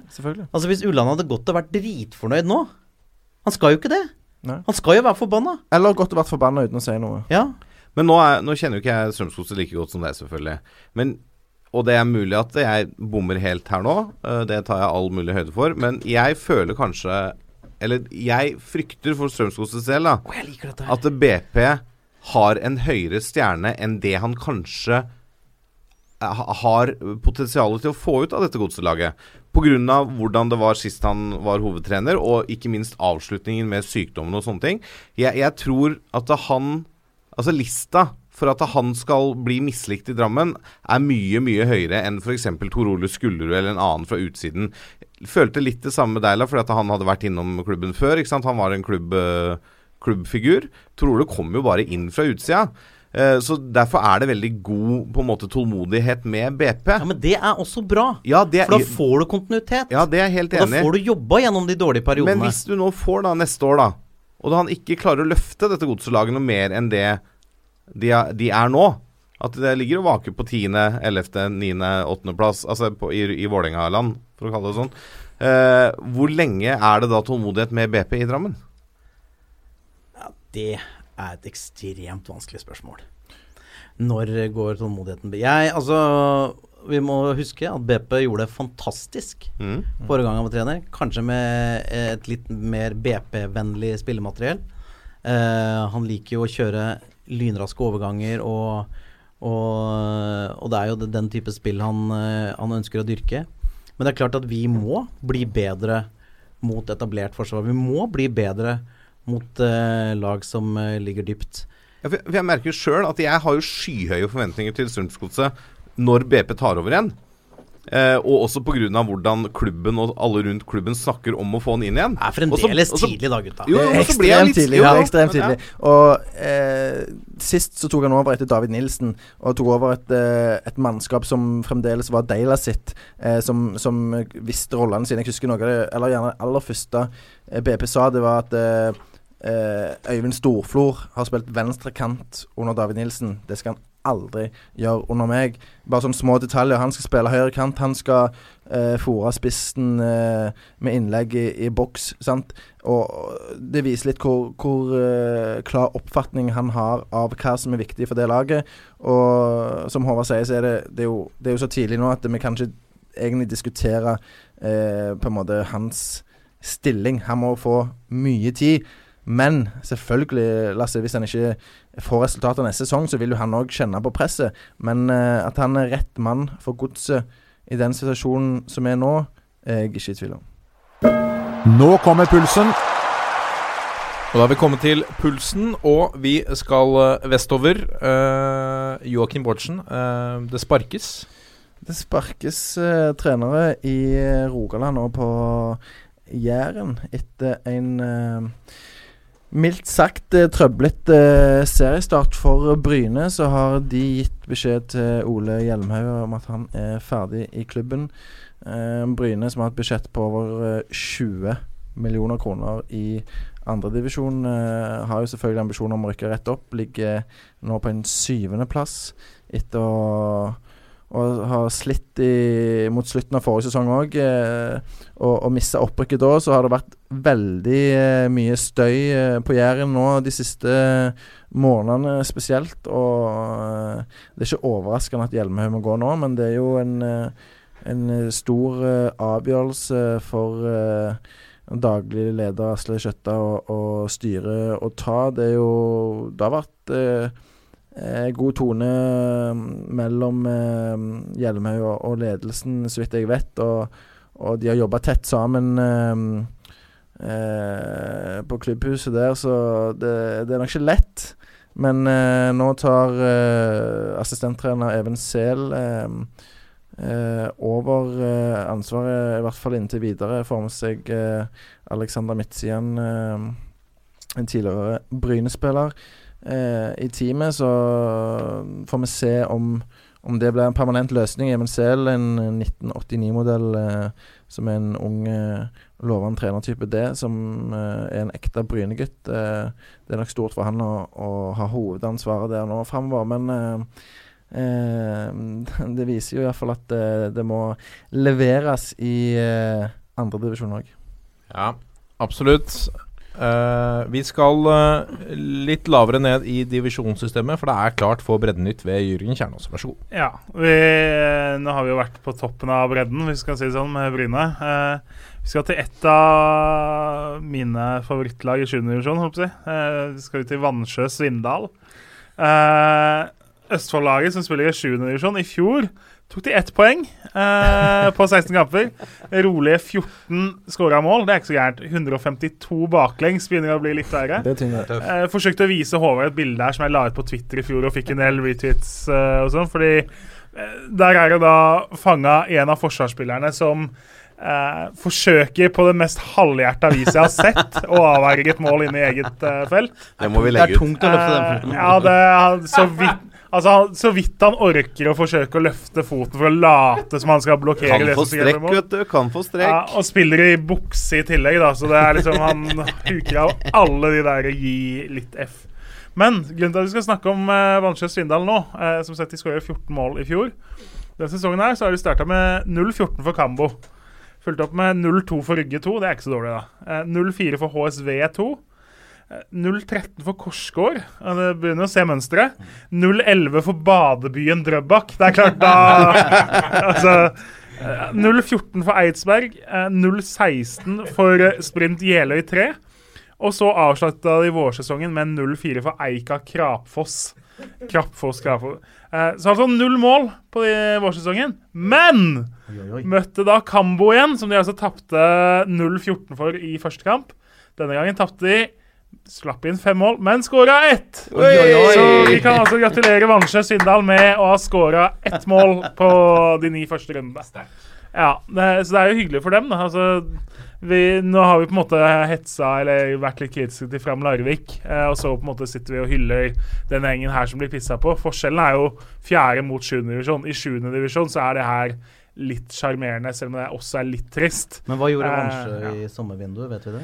Eh, De hadde fått inn en ny trener, eh, eller en av, om det var en av spillerne som har tatt og gjort altså, Så de har i hvert fall eh, gjort noen grep. Da, hadde de påstår det hadde endt 0-0 i annen omgang mot Gambo, så alle måla kom faktisk i første omgang. Eh, og det er jo oppsiktsvekkende i 7. divisjon. En målløs omgang i 7. divisjon. Det er er jo litt sånn som hvite elefanter, på en måte. Det Men er det, ikke.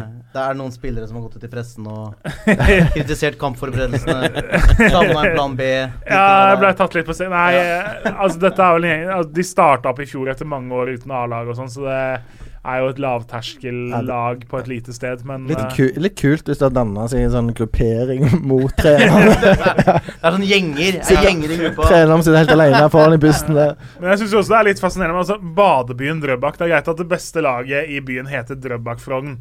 Kunne du ikke kalt det Drøbak fotball eller uh, sports... Altså, Det et, nydelig, Badebyen Drøbak Drø- nydelig klubbnavn. det er jo definisjonen på et breddefotballklubbnavn, på en måte. Du, du spiller liksom ikke FM, og så ser du badebyen Drøbak i Europaligaen eh, om 70 år, liksom. Det, Det er klasse, det. da. Eh, vi skal holde oss eh, bredt, selvfølgelig. Eh, Det har skjedd ting i Vareg også. Hva er latest news fra Vareg, eh, Kjernås? Det var egg, nå ble det kylling, eller et eller annet. Nei, uff, nå må vi legge oss. Oh, Eh, nei, Vareg har jo De har jo bytta trener tre ganger i løpet av de siste åtte-ni månedene. Eh, Hvilken divisjon er vi i? Nå er vi i tredje divisjon, så nå er vi på et anstendig nivå. Eh, eneste seieren deres for sesongen kom borte mot serieleder Sotra i år. Da vant de 1-0. Eh, møtte Sotra igjen nå, mista litt spillere, mista given, mista piffen. Eh, 0-12 endte det denne gangen, da. Eh, vi snakka om da Junkeren vant jo 14-0 her tidlig i sesongen mot Sortland. Det er klart 0-12. Eh, det var 0-10, og Vareg hadde fått en mann utvist, og det var en halvtime igjen. Da øyna man på en måte en ny sesongrekord, men eh, så gikk Sotra 20 minutter uten å skåre før de putta et par på slutten igjen. Eh, Svakt av de. ja, jeg tror altså, Leder du 10-0, da. Det er litt vanskelig å gi 100 da. Sparer deg til neste kamp. vet du Det er tett, Ja. tett, tett kampprogram i tredje Ja. divisjon. Nei, det, er jo- det er jo, jeg la jo ut ene målet på Twitter. Det er vel 0-10 eller 0-11-målet. Hvor det er en corner. Og altså, ingen av de her vareekspillerne gidder å prøve. Et par av dem lusker sånn sakte bort fra mål og ser i bakken. Altså, Ser ut som en fyr som da går til bussen mens han titter på mobilen, liksom. Han mangla bare mobilen og en bussholdeplass før det var uh, perfekt kopi. Ser du disse kampene på nettet? Eh, altså Her lå det høydepunkter ute, så Ok, her, ok, her har jeg ja. kun sett måla. Uh, ja. Men altså Der var det liksom syv eh, mot tre inn i feltet, og ingen av de syv ser ut som de gidder engang. Liksom. Så uff, tung sesong. De har vel ni-ti kamper igjen. Det, Altså, Håvard, du som påstår at du elsker norsk ball. eh, Det er definisjonen. Da må du se de kampene her.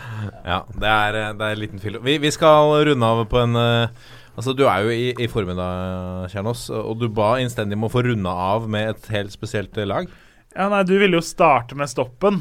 Det skjønner jo folk at det ikke går an, så vi, vi runder av med stoppen. Vi er Eh, tilbake i Buskerud, tilbake i Drammen. Ja, Stoppen hadde vel eh, Nå er det jo litt av grunnen til at vi skal snakke om dem nå, er jo at de har henta inn en rekke tidligere spillere. Eh, de hadde vel Ronny Deila på laget for ikke altfor mange år siden òg. Var i tredjedivisjon for noen år siden. Da jeg mener Deila spilte tredjedivisjon for dem. Eh, nå har de henta tilbake Peter Kovacs. Han la jo egentlig opp etter forrige sesong. Eh, spilte jo mindre og mindre og var kortere og kortere i de klubbene han var i mot slutten. Men jobber jo nå i Godset. Eh, Fantastisk mann. og har da bl.a. selskap av spillere som Magnus Sylling Olsen spiller for dette Stoppen-laget. Som vel er, er det bunn, altså nederst i Liebakkene, er det sånn cirka der? er ikke Ja. det? Folk- Sørum er der. Ja, Thomas Sørum. Eh, Lars Granås, det, som jo også har mange kamper på de to øverste nivåene. Så eh, det begynner jo å bli flere av disse lagene. Altså, mitt Årvoll har jo også samla en haug av spillere som har vært på de høyeste nivåene og spiller fjerdedivisjon. Eh, andre lag også finner jo noen sånne klikker. Bærumsløkka hadde vel altså bl.a. Jan Erik Sørensen og eh, ja, altså, mange spillere da, som har vært gode tidligere. Eh, det er jo litt gøy på en måte å kunne dra rundt eh, for de som ser fjerde-femte, og så plutselig ser at jeg har faktisk hørt om halvparten av spillere. Det, det er jo litt kult sannsynligvis for de som spiller mot det òg. Det Det må jo være et helvete. Du kommer ut der, og så skal du spille en litt sånn Du, er, du kommer fra regnskapsførerjobben, og så ser du liksom det ungarske beistet kommer og stiller seg mot deg på corner. Du vet det er en liten albue inn i ribbeina dine før han scorer. Er tungt òg, ass. Ja, nei, det Man ser jo, men så, samtidig, da.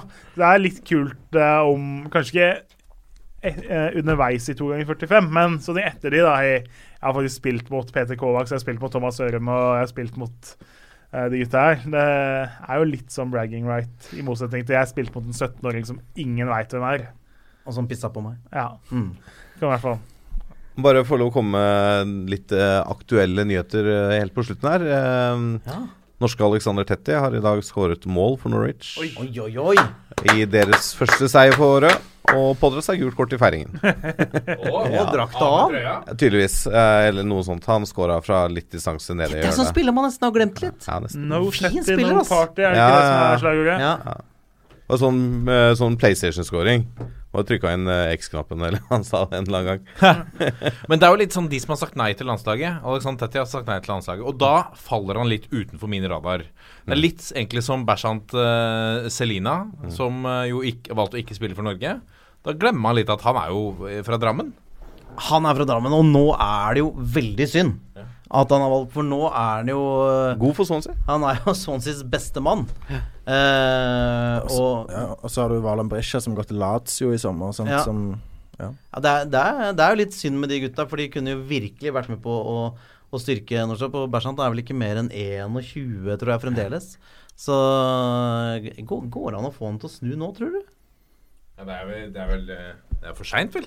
Har han eh, tatt det valget? Ja, nå har han jo valgt tatt det er valget, så han og Berisha er jo ferdig Uh, For de har hatt Norge, kamper. Mm. Tenk deg hvis vi kunne hatt liksom Ødegård, Berisha, Fossum Vikheim og Fossum eh, Selina, det- fire Du skal ha den der. Det var stort, stort.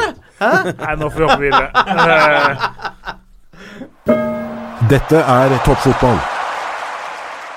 Og så skal vi se nærmere på neste eliteserierunde, og vi skal til Nord-Norge, Lasse. Eh, et slags Er det et nabooppgjør? Dette er jo et realt lokaloppgjør, eller i hvert fall det mest lokale oppgjøret våre to nordligste eliteserielag kan spille. da Tromsø tar imot uh, Bodø-Glimt eh, på Alfheim. Eh, og det er jo to lag i skal vi kalle det poengnød som møtes. Eh, Tromsø står nå med fire tap på rad, eh, og tapte jo til slutt ganske fortjent borte mot Vålerenga sist. Bodø-Glimt viser jo på en eller annen måte litt bedre form med én seier og én uavgjort på sine to siste, og kun ett tap på sine åtte siste. Men eh, fem av de åtte har jo endt uavgjort, og da ligger de fortsatt bare fire poeng foran nedrykksplassen. Så det blir ikke mye poeng av å spille uavgjort hele tiden. Tromsø vant om et oppgjør 16. mai på Aspmyra med 1-0 etter skåring av Runar Espejord. Han var ute med skade mot Vålerenga sist, men kan fort være tilbake på lørdag. Og han er jo en viktig brikke da, i Valakaris måte å spille på, så han håper nok eh, alle tilhengere at det er tilbake. Ehm, forrige oppgjør på Alfheim i Tippeligaen 2016, da vant Bodø-Glimt 2-1 etter to skåringer av Milan Jevtovic. Da ble han helt og til slutt eh, sendt til Rosenborg. Ehm, det er to karantenefrie lag som møtes, og jeg tror jo, fordi at det er et lokaloppgjør, eh, at det blir tett og jevnt. Eh, Tromsø er åpenbart ikke i slaget om dagen, og, men disse lokaloppgjørene lever jo liksom litt sine egne liv, uavhengig av tabellposisjon og form og alt sammen. Bodø-Glimts mange uavgjortkamper viser jo at de er vanskelig å slå. Men kanskje også at de sliter litt med å avgjøre kamper til sin fordel. Så jeg har Tromsø som små favoritter i min bok pga. hjemmebanefordelen, og at de snart må ta tre poeng for å ikke havne altfor langt bakpå. Eh, men jeg utelukker ikke helt at Glimt gjør det vanskelig her. Nei, det blir et uh, spennende oppgjør. Det er jo på en måte kampen om nord, da. Det er kampen om nord. Så eh, det er, det er litt prestisje i det også. Klart Vi, eh, vi skal til Komplett Arena, Kjernås, og Sandefjord som tar imot Lillestrøm. Ja, jeg syns jo det her er en høyinteressant kamp, jeg, da. For det, altså Sandefjord ligger sist, 11 poeng. LSK har rota seg ned på kvalplass, 5 poeng over Sandefjord. Så hvis du sitter i Sandefjords posisjon, så er det så klart at en kamp som det her må nesten vinnes, eh, skal du berge. Eh, Men til gjengjeld vinner de den, så er det jo helt åpent for dem. Da er de to poeng bak LSK. Sitter og håper da at Start og Stabæk og Glimt avgir poeng. Så eh, klart at for Sandefjord så er jo det her en ordentlig nøkkelkamp i ordets rette betydning. Og klart at LSK, det er ny trener, litt effekt, men det er poenga sitter fryktelig langt inne for dem for tida. Så Så har Sandefjord hatt eh, positiv utvikling. ja, ikke sant. Begge, begge har bytta trener. Eh, Sandefjord har fått litt av den effekten de håpa på. Eh, slo jo Tromsø og spilte OK da, og så tok et velfortjent poeng bort mot Ranheim nå sist. Eh, vi har jo som mange andre dømt dem nordover og tenkt at de er litt ferdige fordi de har gått på mye tap og eh, sett veike ut lenge, da. Men det er klart at uh, nå siste kampa så har de begynt å se ut som et lag som kan gi litt mer motstand. Og så er det jo så klart at det her eh, overgangsvinduet, så var jo de blant de aller mest aktive de siste timene av det vinduet. Uh, spent på å se på en måte hvor mange av de som kommer ut på banen nå, da. Det, de har jo tatt litt den sjansen som du må når du ligger i den posisjonen. Du har ikke råd til å være kravstor da, og det er få timer igjen. Men uh, Høybråten, så klart det er overraskende god signering, syns jeg de gjorde av han.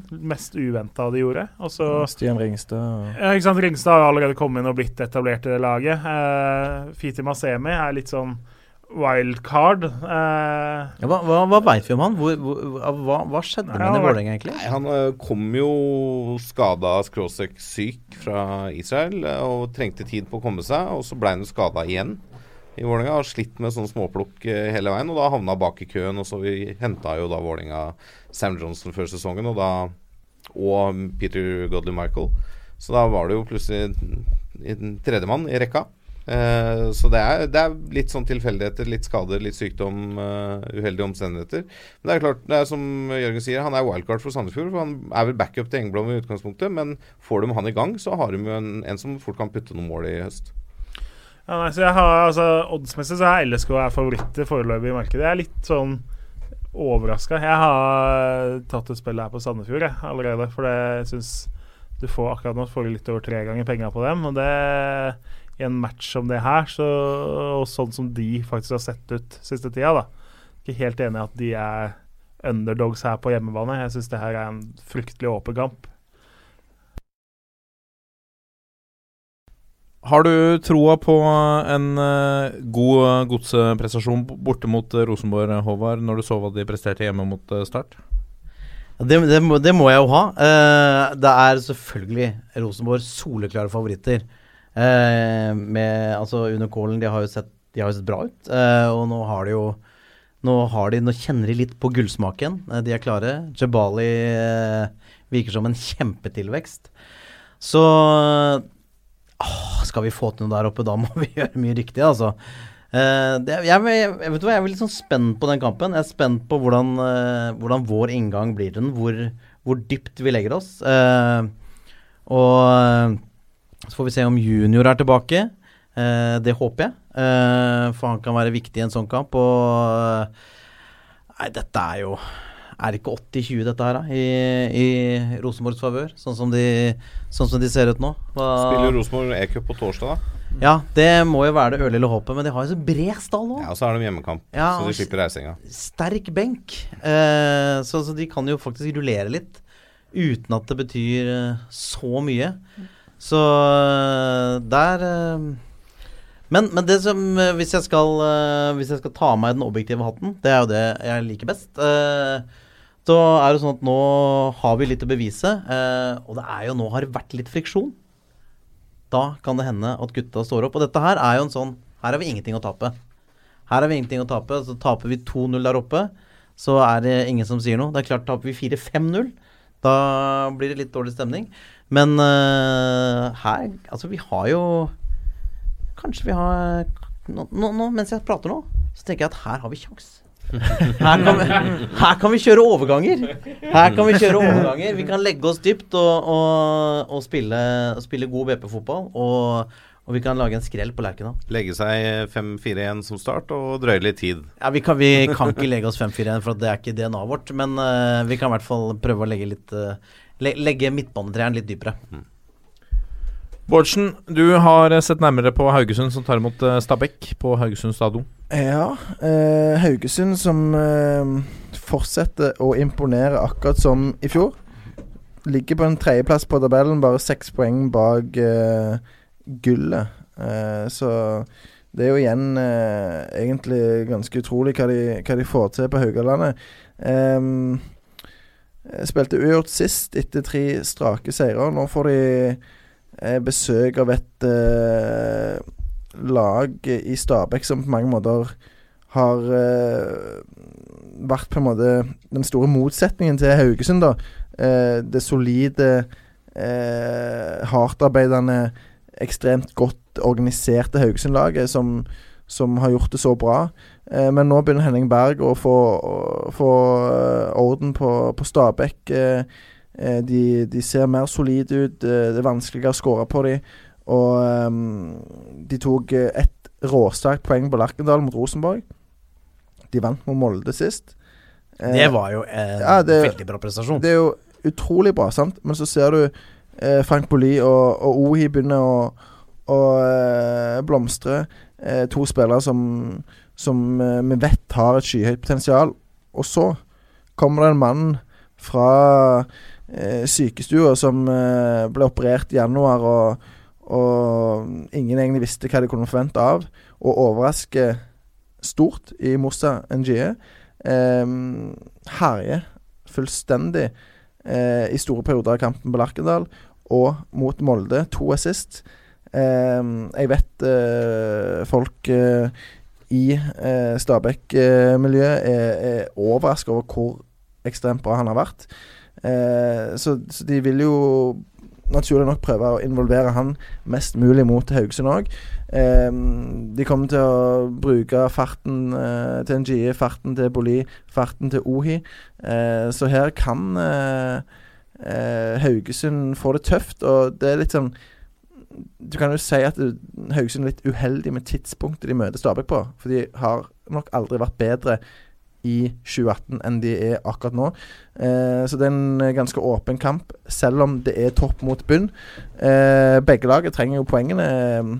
Eh, Haugesund fordi de eh, har, har eh, bronseplassen nå og selvfølgelig ønsker å ta medalje. Og Stabæk fordi de bare er to poeng over nedrykk. Og, og hvert eneste poeng kan være forskjellen på å overleve i Eliteserien eller rykke ned. Ja, det er jo uh, Du snakker om et altså, Stabæk i form. Uh, Haugesund også et, et, et, lag i medgang, i flyt. Vi så, så en video på, som Kim Are sendte oss, som symboliserer litt av kanskje stemningen i Haugesund nå. Det, det er masse triksing i garderoben. De kjører en sånn headekonkurranse frem og tilbake. Den klassiske hvor man kjører en runde i garderoben og så jubler fælt når man klarer det. Altså, som kanskje er et, et, et, symbol på at det er god stemning. Altså Altså, de har jo Erik Holland har jo klart å, å få på plass denne her eh, eh, homogene gruppa som har en sånn enorm drivkraft i seg. Eh, spiller for spiller, så eh, Så er det ikke noe sånn eh, eh, Så er det gjerne ikke ligaens tredje beste lag, men som en enhet så er de det. og det er det som er imponerende. Og Det var det de sa før sesongen også, som gjorde at det var mange kanskje som ikke hadde så stor tro på de, var at de starta med at vi skal bygge opp laget bakfra og ut. Mm. Ikke, vi skal ikke nødvendigvis begeistre, men Nei, vi, skal, ja, vi, skal, være tøffe å spille mot. Ja. Og det skal være vanskelig å score på oss. ja, jeg må innrømme at jeg var veldig skeptisk til Haugesund før denne sesongen. Det virka veldig grått. Eh, veldig eh, Potensialet så ikke så høyt ut. Men nå de, har Horneland Han har gjort det rette og starta bakfra, bygge fundamentet, for så å spe på med eh, offensivt krydder, som f.eks. Vaji nå, som er henta fra Molde. Eh, det, er jo, det, er jo, sånn du må gjøre. Du må begynne i den enden der og, og få et uh, solid uh, fundament i bånn. Uh, så du må på en måte bare hylle det han og Haugesund har fått til denne sesongen. Molde slikker i sårene etter uh, en uh, hva skal vi si, en uh, fadese på Nadderudtjerna, som tar ja, imot Ranheim. Nå sa jo Joakim at det var dum, et dumt tidspunkt å møte Stabæk på. for Ranheim så er det jo et godt tidspunkt å møte Molde på. Det fikk jo Stabæk også kjenne på sist helg. Molde bytta halve laget fra Europacup. skal bort og spille mot Zenit i St. Petersburg torsdag kveld, og så da hjem og møte Ranheim. Det er klart uh, Skulle du plukka et tidspunkt å møte Molde på denne sesongen her, så har vel egentlig Ranheim trukket vinnerloddet der, da. Uh, det er klart Ranheim òg er litt sånn det, Vi kan jo ikke si at vi er overraska over at formkurven der begynner å peke litt nedover. Nå har de to seire siste åtte. De har gått uh, fire kamper uten å vinne nå. Uh, så at du så litt på kampprogrammet de har. De har en del ekle kamper nå, så Uh, man har jo eksempler både fra norsk fotball og fra andre liga, lag som har gjort det bra litt over halvveis, spilt 60% av sesongen og liksom vært nesten i medaljekamp. Og så har de dalt uh, ned til et mer naturlig nivå på nedre halvdel. Uh, jeg tror Ranheim jeg ser, altså, Det er fortsatt syv poeng ned til nedre halvdel, men blir ikke kjempeoverraska om de daler ned dit nå. Uh, brukt mye av de samme spillerne gjennom sesongen. Nå kom plutselig uh, Ivar Furu har jo kommet inn uh, for å erstatte Eggen Rismark. Han var jo junior i Molde, fikk ikke helt sjansen der. Så uh, det er jo aldri Jeg ser ikke for meg at han mangler motivasjon ellers heller, men altså komme og få spille da mot klubben hvor du ikke fikk slå gjennom, og det her blir da andre matchene fra start. Ser jo for meg at han er ganske fyrt opp der. Uh, Molde det, det, er jo vanskelig å si hvilke elleve de stiller på banen.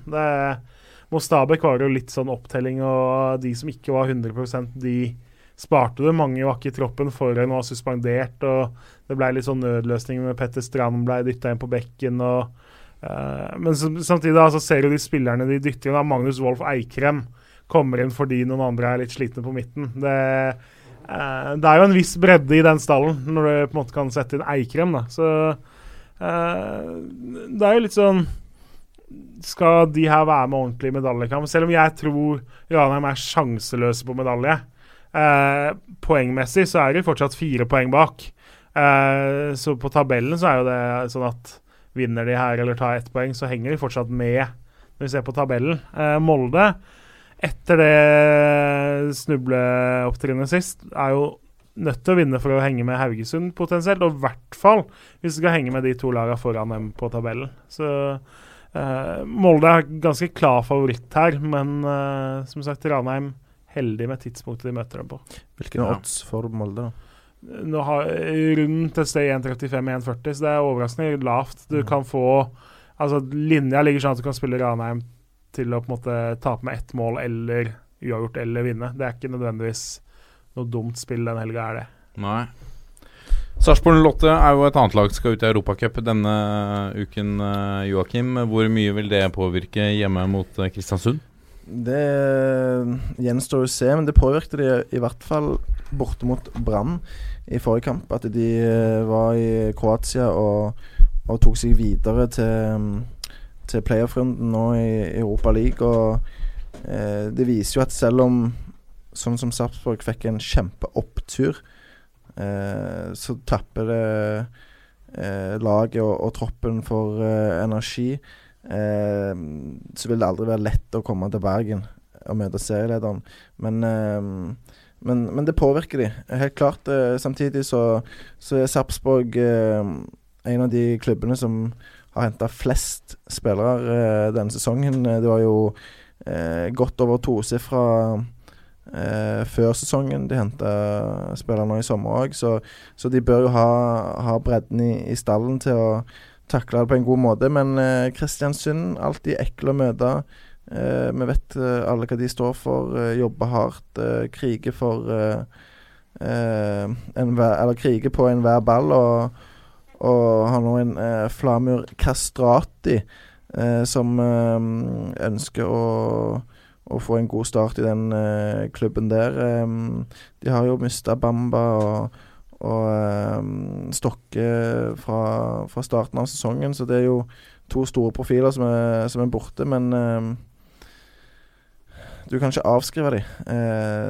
Det er et lag som alltid gir alt, men Sarpsborg er, selv med Europacup, eh, rimelig store favoritter i denne matchen. Ja, og så videre til eh, Må vi kunne kalle det rundens eh, hatoppgjør mellom eh, Vålerenga og Brann, eh, Lasse? Ja, det er jo serielederne som kommer på besøk til, til Oslo. Og det er et Brannlag som kun står med to tap i årets sesong. Og det har jo begge kommet med firemålstap mot Molde. Altså Brann har jo sluppet inn over halvparten av årets baklengsmål mot Molde. Altså 9 av 17 baklengs har kommet mot nettopp Molde. Så det, det er jo et lag som eh, ikke taper veldig mye, som kommer til Oslo. Eh, de slo jo tilbake sist etter eh, 5-1-tapet, eller 1-5-tapet i Molde med 2-0 over Sarpsborg, som vi har nevnt. Vålerenga slo jo også tilbake sist med en etterlengta seier. Um, vi må faktisk tilbake til 2016-sesongen for å finne sist Brann slo Vålerenga, og da ble det 4-1 i Bergen. Etter det så er det to seire i Oslo til Vålerenga og to 0-0-kamper i Bergen, som da også ble resultatet i juni. Brann har jo forsterka voldsomt i sommervinduet, eh, og med tanke på både tabellplassering og spillema- spillemateriale, så bør de jo være ganske store favoritter eh, i denne kampen. Men jeg syns jo selv om Vålerenga av mange har blitt kalt liksom overgangsvinduets tapere og sånn, så syns jeg i hvert fall den kampen mot Tromsø viste at uh, Mohammed Abu og Erik Israelsson på Vålerenga-midtbanen har styrka den lagdelen, og det har vært viktig. Uh, virker mye mer solid enn tidligere, og Daniel Fjærheim Holm kommer mye mer til sin rett i en midtbanerolle med de to rundt seg. Altså Abu tok jo dette med en gang. Løper, uh, kriger, vinner ballen, slår fantastiske pasninger. Ser rett og slett ut som en eh, meget god forsterkning. Eh, og den kampen her kan fort bli vunnet på midtbanen. Så det er jo ikke feil hvis eh, disse tre på midtbanen til Vålerenga er, er i draget. Nei, for han, han tilførte jo Mohammed Abu tilførte han eh, litt slurv i starten av kampen, og så, Ja. og så satte seg ordentlig. Men han tilfører jo den midtbanen noe de har savnet, og det er jo altså rask behandling av ball. Eh, ballen flyttes mye raskere. Det har tatt mye tid sentralt i Det har tatt veldig lang tid. Han flytter ballen fort, og han flytter beina fort. Mm. Så om han ikke har ballen og skal prøve å gjenvinne den, så er han der også. Han flytter seg i alle retninger, og det går hurtig. Og han er vond å møte. Så han eh, er en åpenbar forsterkning, mener jeg. Begge lag er uten karantener, men Vålerenga mangler nok fortsatt toppskårer Sam Johnson med skade. Og Filipe Carvalho uh, sto jo over mot Tromsø etter å ha fått seg en smell i kneet mot Haugesund i kampen før. Han er også uvisst når er tilbake på banen. Um, jeg vet ikke om du har Ja, noe og så er jo? Enar Jeger er jo suspendert Enar fordi er han suspendert. eh, bannet på seg et rødt kort bort mot Brattvåg i andre divisjon. Ja, da Vålerenga ble snytt for et straffespark der. Så han, uh, han er heller ikke med, så da blir det vel Nesberg og Tolles Nation i midtforsvaret. Um, jeg syns uansett at den seieren mot Tromsø bør ha gitt Vålerenga nødvendig selvtillit. Uh, det er senkamp, det er flomlys, det bør komme en del tilskuere. Jeg har solgt over 8000 billetter allerede. Så det bør bli fotballfest. Eh, men Vålerenga må allikevel løfte seg noe hakk fra den Tromsø-kampen om de skal slå et brannlag som desperat kjemper om å beholde førsteplassen og ta dette etterlengta gullet og holde Rosenborg bak seg. Eh, jeg tror det er en helt åpen kamp hvor det er ganske vanskelig å spå et utfall, altså. Ja. Vi skal eh, ta for oss selvfølgelig den siste kampen, som er start mot eh, Odd, med et eh, startlag som vi jo har snakket litt om på Marienlyst. Så var det, var det kanskje ringreven Kjetil Rekdal som overraska hjemmelaget. La seg dypt i en, 1-5-3-2-formasjon som fungerte bra. Litt vanskelig å si om det var det som fungerte bra, eller om det var godset som ikke fungerte. Uansett kommer derfra med et uh, uavgjort resultat, som jeg tror han uh, i utgangspunktet før kampen var, var fornøyd med. Uh, Kevin Cambran som, som sendte i ledelsen før denne dette skuddet til Glesnes som vi har snakka om, førte til en, en ok poengdeling på Marienlyst. Odd på sin side kommer fra 1-1 borte mot Glimt, hvor de også ble redda av et, en fantastisk scoring av Esmund Ruud på, på frispark. verdt å nevne den også. Eh, Denne kampen blir også kanskje husket for at dette var kampen eh, hvor dommer Kai Erik Steen kalte Bodø-Glimts Ulrik Saltnes for heslig og ekkel. Eh, som jo gikk Ifølge Saltnes må vi jo se, da. Ifølge Saltnes. Usympatisk er vel det dommerne har sagt at han sa. Ja. Det gikk veldig hardt inn på Ulrik Saltnes, eh, i hvert fall. Å bli kalt heslig og ekkel, og det kan vi jo forstå. Det hører ikke hjemme noe sted. Um, det er- Litt overdrevet, må vi kunne si at det er. Uh, uansett. Eh, Odd har tre strake uavgjortkamper. Uh, ny bortekamp for, uh, for eh, Skienslaget. Eh, de står kun med én borteseier på, på 15 måneder nå. Så, så det, det går jo mot en ny uavgjort, da. Eh, nå har de også Jone Samuelsen suspendert. Eh, start mangler Herlin Sjala, som er litt usikker pga. en lårskade. Og Aremi og Afis, som er uh, ute med karantene. Så er det spennende å se da hvordan disse nye signeringene til Start vil gjøre det. Nå har de fått en, en match. Uh, de, jo, de signerte jo en del før sesongen, uh, og, og de har også fått noen navn på blokka også nå. Eh, hva Er det noen som har noen tanker om, om, eh, om start og, og, og hvordan det ser ut nå? Altså, vi har spilt 19 runder. Kommer Rekdal til å Rekdal og to Christian Carlsen, må vi kunne si. da Kommer de til å redde dette? Ja, jeg, altså eh, Og så har jo selvfølgelig Reka henta Morten Tandberg, da, som han kjenner godt fra tidligere. Som er en uh, fotballfaglig sterk person. Uh, jeg tror Reka klarer å redde Start, om det blir via kvalik eller uh, sikker plass. Det vil jo tiden vise, men eh, de har henta noen spennende spillere. Eh, Jeg syns, de viser litt tegn til at noen av de begynner å Altså Kabran har vi nevnt, uh, Love i midtforsvaret der. Altså det, er, det er flere som på en måte begynner å finne litt rollen sin i Reka-spillet. Og Reka er jo er jo kynisk nok til at uh, han, han, han har liksom eh, en liste over kamper. Her forventer vi tre poeng, her forventer vi uavgjort, denne taper vi. Eh, og så Dette er jo en kamp som man tenker de bør vinne. Helt klart. Dette er en kamp som man må ha Her må Den de ha en annen innstilling, annet utgangspunkt enn de hadde i Drammen. Ja, ja, ja. Så det blir spennende å se. Når de skal ut og Altså Ett styre. poeng i Drammen er bonus, Ja. og noe Ett annet poeng her er under Det er under. Ja, ikke sant. Så det, men jeg, jeg tror han klarer å at det start holder seg. Men, ja, for det, det blir tøft, men jeg tenker sånn Lillestrøm er den klubben som har vært lengst i den øverste divisjonen i Norge. Eh, de rykket opp i 1975 og har ikke vært nede siden. Men jeg tror de ryker nå. Det som er jo litt sånn rart med Lillestrøm og forventninger, er jo at eh, føler folk på Romerike de forventer jo at Lillestrøm skal være mye høyere enn de er nå. Men de har jo ikke penger. De har jo, altså de har jo Det er, det er ganske vanskelige rammevilkår. Altså Hadde det vært en annen klubb, så hadde vi kanskje tenkt at det er helt naturlig at de går ned. Det er jo bare fordi at det er Lillestrøm, og de har vært oppe så lenge, at man tenker oi, for så kan det alltid gå. Men når du tenker på liksom ressurser og hva de har, så, så syns jeg ikke det er så rart. Men de siste åra så har jo målsetningen der oppe vært å holde plassen. Fordi at de skal kunne slå seg på brystet og si vi har vært 44 år eller hva det er i øverste divisjon. De har ikke hatt noen målsetninger utover det. Eh, og det har jo selvfølgelig pga. økonomi og sånne ting, men det tror jeg også har prega liksom på en måte hele alt rundt. da Du ser jo det er jo ikke veldig mye tilskuere på Åråsen heller. Uh, ja.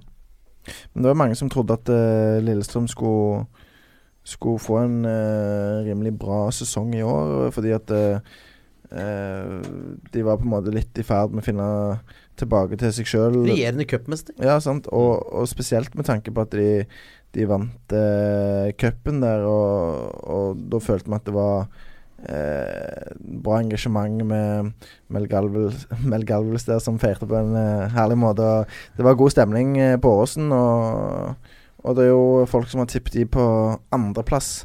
Men, eh, men sånn som Håvard sier, at det, troppen, ressursene, de er jo ikke veldig gode. Eh, så ja. Nei, men, eh, men nei, det virker som, som eh, Lillestrøm eh, det, vir det virker bare ikke som en del som kommer til å få det tøft. De, de har det tøft, og det ser stygt ut. Ja, og vi, vi var jo Jeg skal jo innrømme jeg var en av de som hadde stor tro på Lillestrøm. eh, Og det viser jo nok en gang det at eh, vi hadde stor tro på Lillestrøm, vi hadde liten tro på Ranheim, vi hadde liten tro på Haugesund. Det er jo noe av dette som er det mest fascinerende med, med norsk fotball, og som gjør at sesongene eh, Ingen sesong er lik. Altså eh, Om vi nå også kanskje til og med kan eh, gå inn i de neste årene hvor det ikke er selvskrevent at Rosenborg tar tittelen, så er det jo spenning i topp Det- og det- bunn og midten og, og det hele. Og det er det Og det er ikke noe, det er ikke noe topp fire, det er ikke noe topp seks.